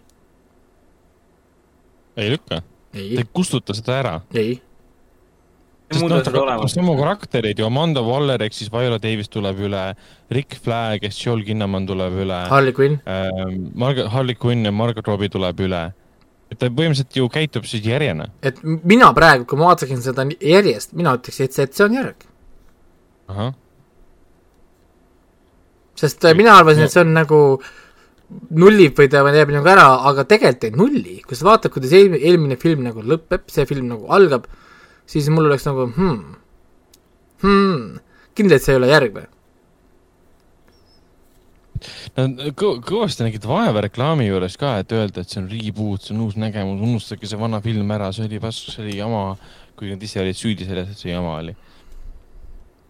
aa, ma lugesin küll jaa, sest Idris Elba mängib ju plaatsporti, mitte plaatšotti. jaa, ta on plaatsport, pidi Elba mängima plaatšotti, aga nad otsustasid ümber, sest anda tulevikus võimalus äh, juhul, kui Will Smith saab naasta rolli. jah, ja siin nüüd ongi, et nii-öelda need uued, meie jaoks uued, see plaat, sport ja Peacemaker, need liituvad juba nagu teistega, kes juba tunnevad üksteist. Rick Flag ja Aa. Harley Quinn on- juba sõbrad, we are friends. seda, No, noh, saad aru filmile. ehk siis nagu jah, et kõik asjad ja siis samuti see Amanda Waller ja kõik see protsess ja kõik see nagu viitaks minule, ütleks nagu, et eelmine film ikkagist toimus. see on nagu järg. Vene, Vene, Vene, sa ajasid praegu sassi. Bloodshot on Vin Diesel, Deadshot on Will Smith. jaa, Deadshot suva, ja on, lollid ühtemoodi nimed. Bloodshot fuck, Bloodsport, no sorry Who noh. gives a shit nagu mingi Fuck is going on nagu. oleme. okei. väga emotsionaalseks. aga jah, siin on selles mõttes küll ja kui lähed vaatama, siis kindlasti va vaadake, et lapsi kaasa võtta, onju. ja, ja siis olge valmis üllatusteks just kaalusin, mul lapsi küll pole, aga mõtlesin, kas ma võtan äh, tänavalt. ei, sa mõtlesid, mõtlesid, et kas võtad tänavalt mõne kaasa või ei võta. võtan mõne lapse aega, see ei lähe kindlasti paragrahvi alla. oota, aga Raiko, kui ma, kui ma kaalun praegu tõsiselt oma õe-tütart, kes on kolmteist kaasa ei, ära võta, ei võta, okei okay,. ära võta, see lihtsam on mitte, mitte võtta seda, las ta vaatab koos vanematega või midagi. Selge pilt. et, et seal, seal ikka jagub seda stuff'i küll ja küll. nii et, et, et, aga jah, mina ütleksin, et näiteks kõige tugevam karakter näiteks ülekaalukalt on seesama see Ratcatcher kaks. tüdruk, kellel on võime kontrollida rotte. Sorry, aga see on täiesti katki, super, Superman who, One Punch Man who. Kuradi, kuradi rotitoit on nende karak-, nende, nende nimi Vau, ma ootan, ei jõua ära oodata, mina vaatan siis seda nüüd laupäeval. jah, aga, aga, aga jah, mul, mul muud, mul muud ei olegi, selles mõttes küll, et äh, ta on ikka jah, mitu-mitu sammu eelmisest filmist ikkagist nagu, nagu ees. DC-l on nüüd kuidagi nagu mingid asjad hakkavad nagu paika loksuma vaikselt siin nende jokkeritega ja ja Snyder Cutidega ja asjadega, et nad võib-olla ei võta enam endast nii tõsiselt ja, ja võtavad nagu rahu, rahulikumalt ja eks nad saavad aru, jah. usaldama ennast ja oma kuradi filmitegijaid, mitte seda potentsiaalset rahahunnikut, mida Marvel teenib ja mida neil on kindlasti hullult vaja hästi kiiresti kätte saada. jah, sest ega, ega, ega Warner, Warner Medial ja AT&T-l pole üldse raha ju. selles mõttes, et ei, neil on piskud, nad peavad niimoodi juurde teenima. Business dad'il on vaja raha juurde.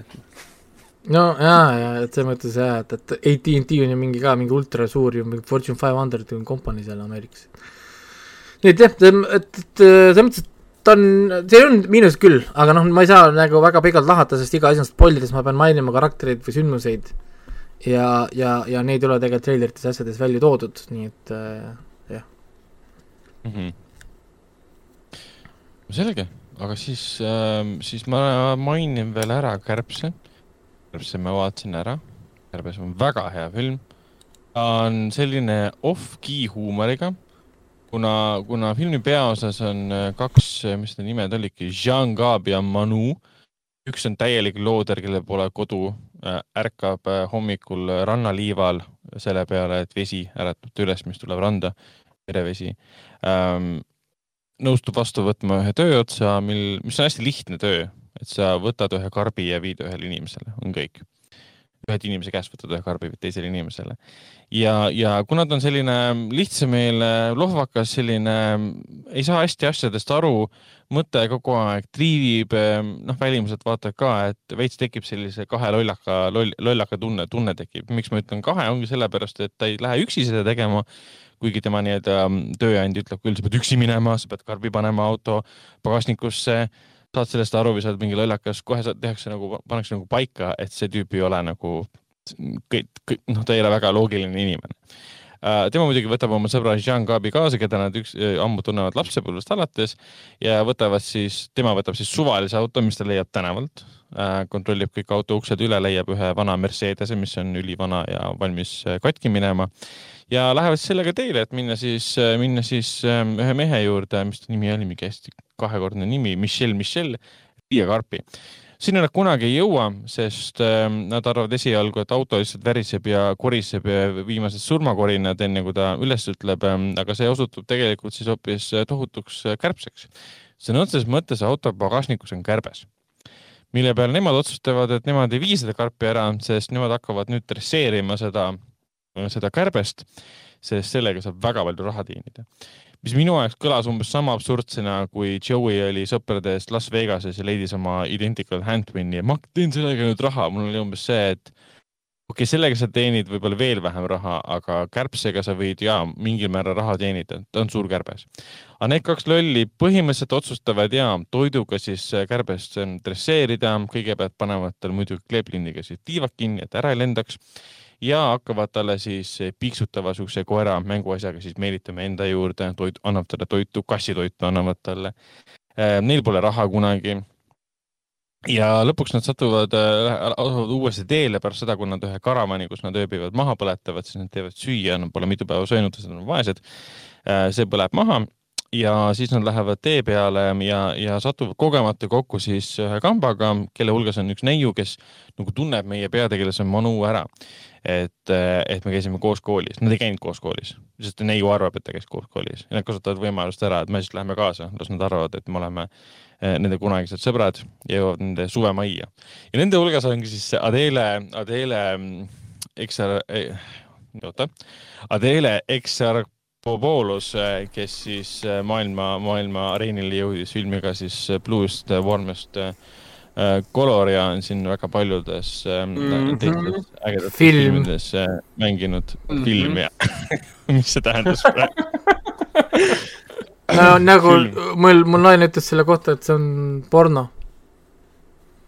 aa ah,, ma peaks ta ära vaatama siis um...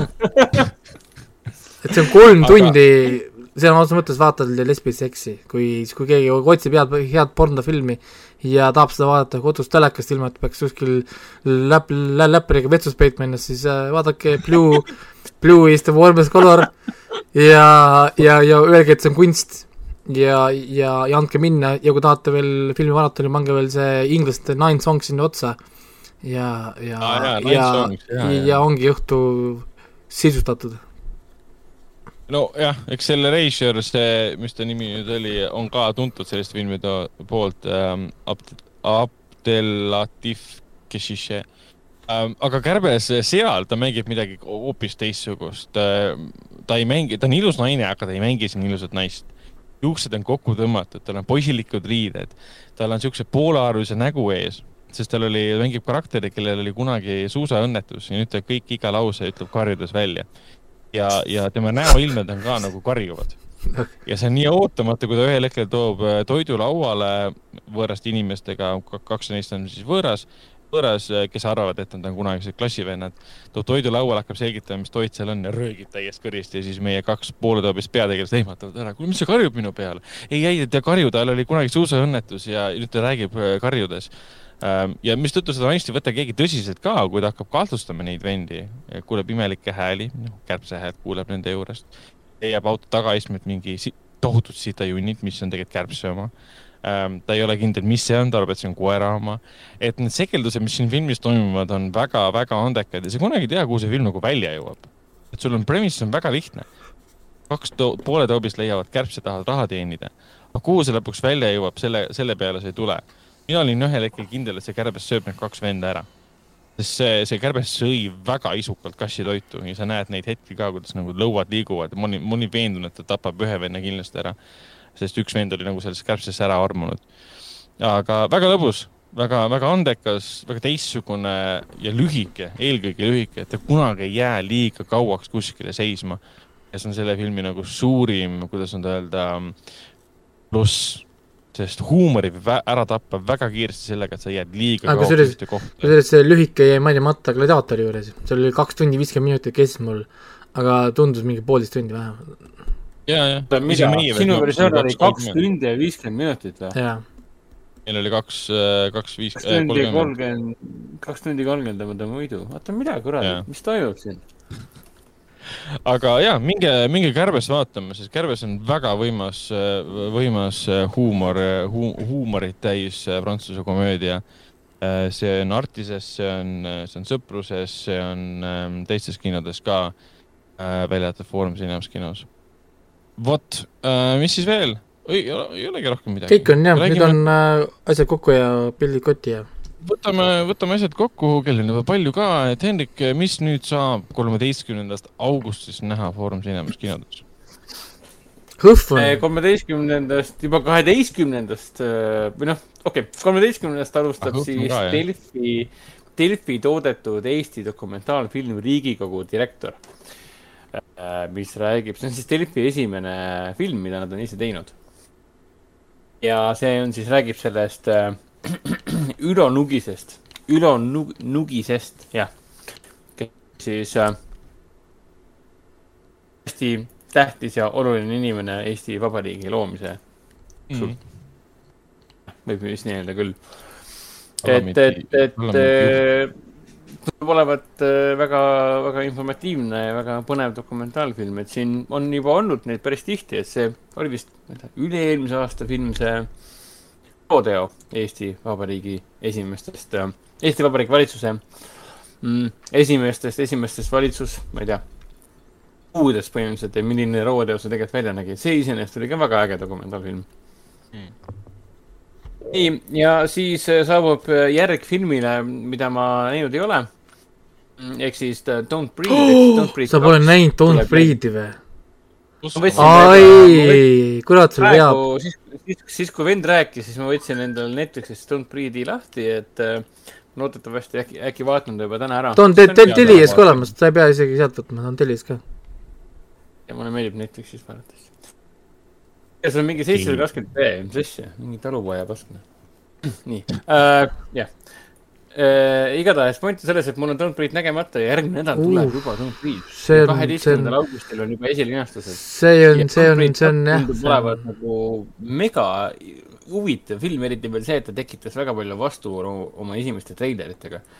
kui sa, kui sa, kui sa, kui sa, tegelasest on saanud peategelane. kui sa pole esimest osa nagu näinud, see oli, kusjuures see oli, see oli selles mõttes nagu nii pauk tuli, sest me läksime seda filmi vaatama lihtsalt niimoodi, et äh, lähme vaatame suvalist filmi, lähme vaatame seda, siis vaatame filmi ära, issand, what the heck, see on ju hea film. jah, kurat, seal tahab, peaks uuesti vaatama, kurat, nüüd, nüüd, nüüd tekib, tekib isu jälle. aa, jah, kunagi, ja kunagi ei tasu unustada, et Steven Lang on ikka mega äge näitleja. on, on. avatar, avatar, avatar. oo oh, jaa. Patridž. ja teda peamiselt jah näinud ju selles jah, Avataris tegelikult, aga noh, tal on siin teisi, teisi filme ka olnud, aga ausalt öeldes ma ei mäleta teda kuskilt mujalt, kui selleks on Don't Breathe ja Avatar, et noh. see Don't Breathe kaks on nii veider film ikka, sest see, et see, see vend on nüüd kangelane. ei saa praegu, ma tahan näha teist no sina ei saa sellest aru veel, aga. kui sa vaatad ära esimese, siis sa saaksid aru, miks see on veider. miks, jah, sa sa saad aru, miks ma ma olen, ma olen sellest aru saanud, ma olen sellest aru saanud, minu meelest Ragnar on mulle seda öelnud või isegi Raiko, et ta on ikka räme, räme, räme sadist ja täielik väred esimeses osas. et No, sellepärast jah. ongi see küsimus, kuradi pärast paika see on veel pehmelt öeldes, see on veel pehmelt öeldes, jah. nii Um,, aga siis tuleb kinno ka uus kogupere animatsioon nimega Felix ja peidetud varandus, on siis noh, nii-öelda pere pisematele. ja lõpuks ometi, lõpuks fucking ometi jõuab kinodesse siis äh, Ryan Reynoldsi äh, suur äh, video, niimoodi, et- videomänguline. olematul, olematul videomängul põhinev äh, suur action film nimega Free Guy ehk siis vaba mees. mida Ehk kõik tundub- igal rindel kiidavad praegu. tundub, et Hollywood on lõpuks aru saanud, kuidas videomängude põhjal teha filme. ära tee neid videomängude põhjal ja, ja. ongi lahendus olemas, valem olemas. Ei no see on see on ei loogiline ka, seda on kogu aeg räägitud, sa saad asja võtta sada tundi content'i, topelda seda üheksakümnesse minutisse, see lihtsalt nagu not going to happen. jah, ja nüüd nad võtsid äh, Free Guy, nad võtsid, panid äh, režissööriks selle, mis tal oli see, Sean Lewy või? jah, Sean Lewy. küllaltki tuntud režissöör oma siin äh, Night in the Museum itega ja, ja Real Steelidega ja. tema on ju üks nendest, kes ka Stranger Thingsi ju produtseerib või? nii, aga lähme edasi, lähme edasi, sest kell on Jaa. väga, väga, väga palju.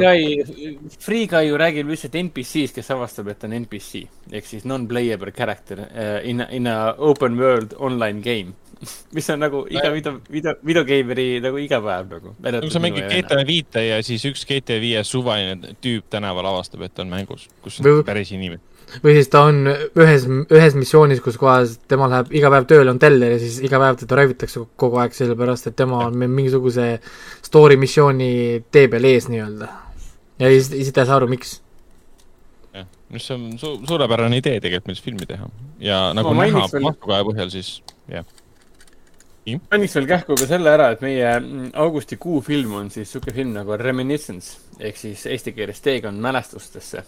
See on siis äh, stiilne ulmefilm, noh, pealtnäha stiilne ulmefilm äh, Hugh Jackmaniga peaosas ja filmi režissööriks ja stsenaristiks on Lisa Joy ehk siis sama naine, kes on siis West, HBO Westworldi kaaslooja. jep, tegija jah. ja see tundub olevat äh, treileri ja info põhjal nagu väga huvitav, originaalne idee mm,. kuigi ta meenutab kohati seda Raiko hiljuti nähtud seda Dirty Floor'i veidikene, natukene. noh, selline, et. treileri järgi küll, minna ja treil-, treileri järgi küll on mingi niisugune, lõhnab seal veitsa mingi võltsreaalsust üle, aga noh, olgu. aga mulle tundub, et siin on mingi oma, oma niisugune nõks leitud nii-öelda, et noh, ma, mul mingi usaldus ikkagi, mul on, mul on Westworld küll pooleli, aga ma usu, usaldan teda väga, et see Reminiscence võib olla väga, väga aasta üllataja nii-öelda. Või siis aasta pettumus, kõik on võimalik. nii, aga rohkem tõesti midagi kinno ei tule, nii et Ragnar võib rääkida sellest, mis tuleb. minu arust see Artis samamoodi linastub Riigikogu direktor ähm, ja siis ka Felix ja peidetud varandus. lisaks kõigele sellele tuleb meile ka ainult äh, loomad või siis äh, ähm, only äh,, only the animals äh, võib tema kohta öelda mis on siis prantsuse ja saksa, saksa film, mis on siis väikse siukse linnakese aset leidvas kriminaalsest juhtumist, üks leitakse üks auto ja avastatakse, autoomanik on kadunud, sellesse on segatud viis inimest. Ehm, see autoomanik on siis kuues. Ja lugu on iseenesest väga huvitavalt kokku pandud, et see ongi nagu viie erineva tegelase perspektiivi kaudu, mis kõik viib selle inimese kadumiseni. Ehm, ja, ja kui näitlejatest tegelikult siin mängib eh, Denis Menochet, keda meie enamjaolt muidugi teame siis Inglourious Bastardsi algusstseenist, eh, kui ta Hans Landa vastu ähm, piima pakub ja Hans Landale piima pakub ja temaga juttu räägib. aga ta on siin ka mitmetes, äh, mis, mitmetes ähm, nendes äh, Francois Ozoni filmides kaasa löönud. Ja teine tüüp, keda me igalt poolt teame, on Damien Bonnard, kes pidi kunagi ka Eestisse tulema ilmselt märtsis ähm,, siis kui see asi hakkas kõik peale, koroona äh, filmiga Hüljatud, mida me Hennikuga siis üle-eelmise aasta Cannes'is nägime Äh, tema mängis seda noort, äh, noort politseinikku, kes läks sinna, liitus nende, nende tüüpidega, kes olid kõik siis ähm, korrupeerunud. ja lisaks siis, lisaks siis sellele filmile tuleb meile ka Kaunimad aastad, mis on siis Itaalia draama, üle kahe tunni pikk. see räägib siis nüüd neljast, neljast sõbrast või noh, kolmest põhisõbrast ja neljandast, neljas on siis naine ja nende suhetest, nende armastusest neljakümne aasta jooksul, kuhu on ka sisse pandud siis äh, maailma ja siis ka Itaalia ajalugu. see on siis põhimõtteliselt kolm sõpra, kes sõbrunesid neljandaga, kes oli siis nagu naine, neil kõigil olid erinevad suhted temaga ja nagu ikka sõbrad lapsepõlves on kogu aeg koos, siis vahepeal ei suhtle uuesti, hakkavad uuesti suhtlema, jälle on pikad aastad möödas. väga ilus ja, ja, ja meeldejääv liigutav ähm, draama kus siis ühes peaosas on muidugi Pierre Francesco Famino, keda er-, artisi publik kindlasti teab filmidest nagu Maffiareetur ja Suburra, Valuveri ja võimuvõitlus. ja üldse siin on mitmed tuntud Itaalia näitlejad nagu Micaela Ramazzotti, kes on ka artisis olnud siin filmides nagu midagi uut ja, ja pisut põrunud. Ja siis ka Kimi Rossi Stewart, kes asus, astus üles äh, Tomassos. Ja ongi, ongi kõik, et meil on kavas äh, Kiarostami filmid tulemas nüüd kümnendast äh, kolmeteistkümnenda augustini. siin äh, selle nädala Eesti Ekspressis Tõnu Karjatse kirjutas ka kaheleheküljelise loo Abbas Kiarostamist, et kui kahtlete, miks tulla Abbase filme vaatama, Iraani kino superstaari, Iraani kino arendaja filme, siis lugege, lugege artiklit Argine poeesia kinolinal. Ja siis meil on tulemas ka Balti filmipäevad, ühel päeval näitame kahte viimaste aastate siis Läti filmi, teisel päeval siis kahte viimast, viimast aastat Leedu filmi. ja siis ka kahekümne seitsmendal augustil on meil Artišok ahvatleb filmiga Jaht, Toomas Vinterbergi Jaht, kus siis Maats Mikkelson jälle taas kord peaosas ähm,. Artišok ahvatleb on see meil eriline sündmuste seeria, kus me siis ikka kahe kuu tagant toome ühe erilise filmi ja toome ka külalised kohale antud juhul, kuna film on sellisel teemal, tulevad meile kohe väga erilised, äh, erilised külalised. ja meil on toimumas augustikuu lõpus ka mm, Artise perehommik, et ähm, kahjuks pean, ähm, pean teada andma, et äh, Jahv lükkub edasi. Ei toimu augustis, äh, muidu oleks ammu juba välja kuulutatud, ta pidi kahekümnendal augustil ähm, algama seda siiski ei toimu, Jahv toimub seekord siis kakskümmend kaks oktoober kuni kolmkümmend üks Äh, oktoobri, aga põhjust ei pea kaugelt otsima, põhjuseks ongi praegused piirangud ja see, et ähm, festivali korraldamine ja filmide eest maksmine on kallis tegevus seda pole mõtet teha publikule, kes kohale ei tule. Aga Artise perehommik, miks ma räägin Jahvist, ongi see, et me näitame selle filmi ähm, augusti lõpus siis Suurpanda ja Väikepanda, mis pidi linastuma siis ka nüüd Jahvi raames augustis, aga linastub hoopis oktoobris. aga meie saame Suurt pandat ja, ja Väikest pandat näidata, mis tegelikult on kaks äh, lühifilmi, mis on kokku pandud ja see on üks esimesi asju, üks esimesi nagu tuntumaid asju, mida Hayao Miyazaki siis äh, lõi.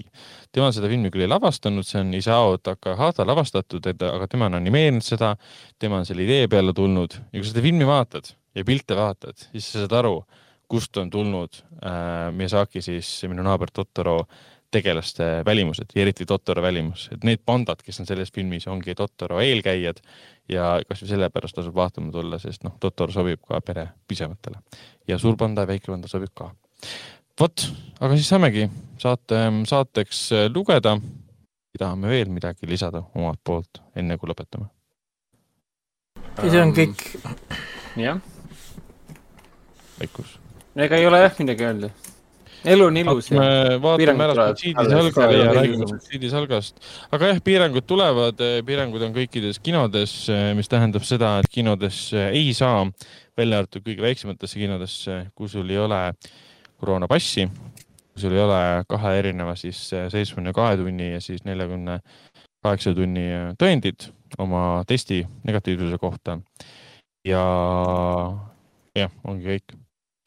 Meie kinos, kinos Artis koha peal testi teha ei saa eh, enamus kinodes ma kujutan ette ei saa testi teha, välja arvatud suurematel, suurematel festivalidel. aga jah, Artises on samamoodi, et esmaspäevast eh, saavad kinosaali ainult inimesed, kes, kellel on dokumendid selleks, kui ei ole, saab seansi alguses raha tagasi.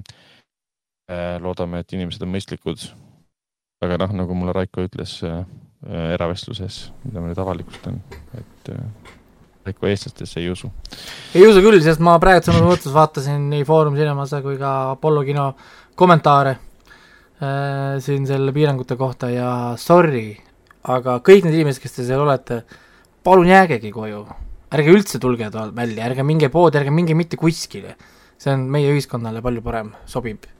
selles mõttes, et sobib kas Foorumi, Foorumi Facebooki postitus tuli ka ära? Ei, ma, ma Am- lugesin seal neid ammu juba, mingi kuue paiku vist. ma nägin, Raiko läks juba kommenteerima sinna. ja no palun olgegi kodus, lihtsalt ärge tulgegi välja, jumala eest, ärge minge poodi, ärge minge mitte kuskile. mulle sobib, ma saan minna kinno, ma saan käia restoranides, asjades, kus teid ei ole. tead, kui tore on minna kohta, kus, kus pole mingi kuuekümnese IQ-ga erivajadusega inimesi või? see on, tead kui mõnus see on, sa saad inimestega rääkida, ei ole mingit paanikat, paranoiat ja fooliummütse. mulle sobib, suurepärane. Nad kommenteerivad siin, et äh, ah, siis jäävad ju teil kinosaalid tühjaseks, tühjaks, et miks me, miks me ei tee seda, et lasme viiskümmend inimest sisse. aga viiskümmend inimest kehtib, kulla inimesed, kogu kinohoone kohta. minu artisi ega, ega meie, meie ei, meie ei tee reegleid, me ei tee reegleid, valitsus on see, kes kujutage reegleid ette, teeb. Foorum Cinemas kino, kus on kümme saali. kogu kino peale on lubatud viiskümmend inimest. See on naeruväärne, sellega ei teeni mitte midagi, sa peadki laskma ainult inimesed sisse see on nagu naeruväärne, et see ei ole argument, et laske sisse siis viiskümmend inimest. oh jaa. aga jah, see, mida inimesed on kommenteerinud siin. mis, mis, mis saama hakkab nüüd? alates, alates esmaspäevast, see on tähtis oh, küsimus. mitu nädalat no. kinod niimoodi vastu peavad, see on, see on, see on küsimus, see on see on see tähtis küsimus nii-öelda. mis meist saab sellisel kujul? Selge, aga, aga, aga okay, täna, tänaseks on, on saatega kõik ja järgmine nädal juba vaatame, kuidas, kuidas täpsemalt siis juba. okei okay.. no nii. teeme nii. järgmise korrani ja meie poolt siis kõik, tšau. tšau.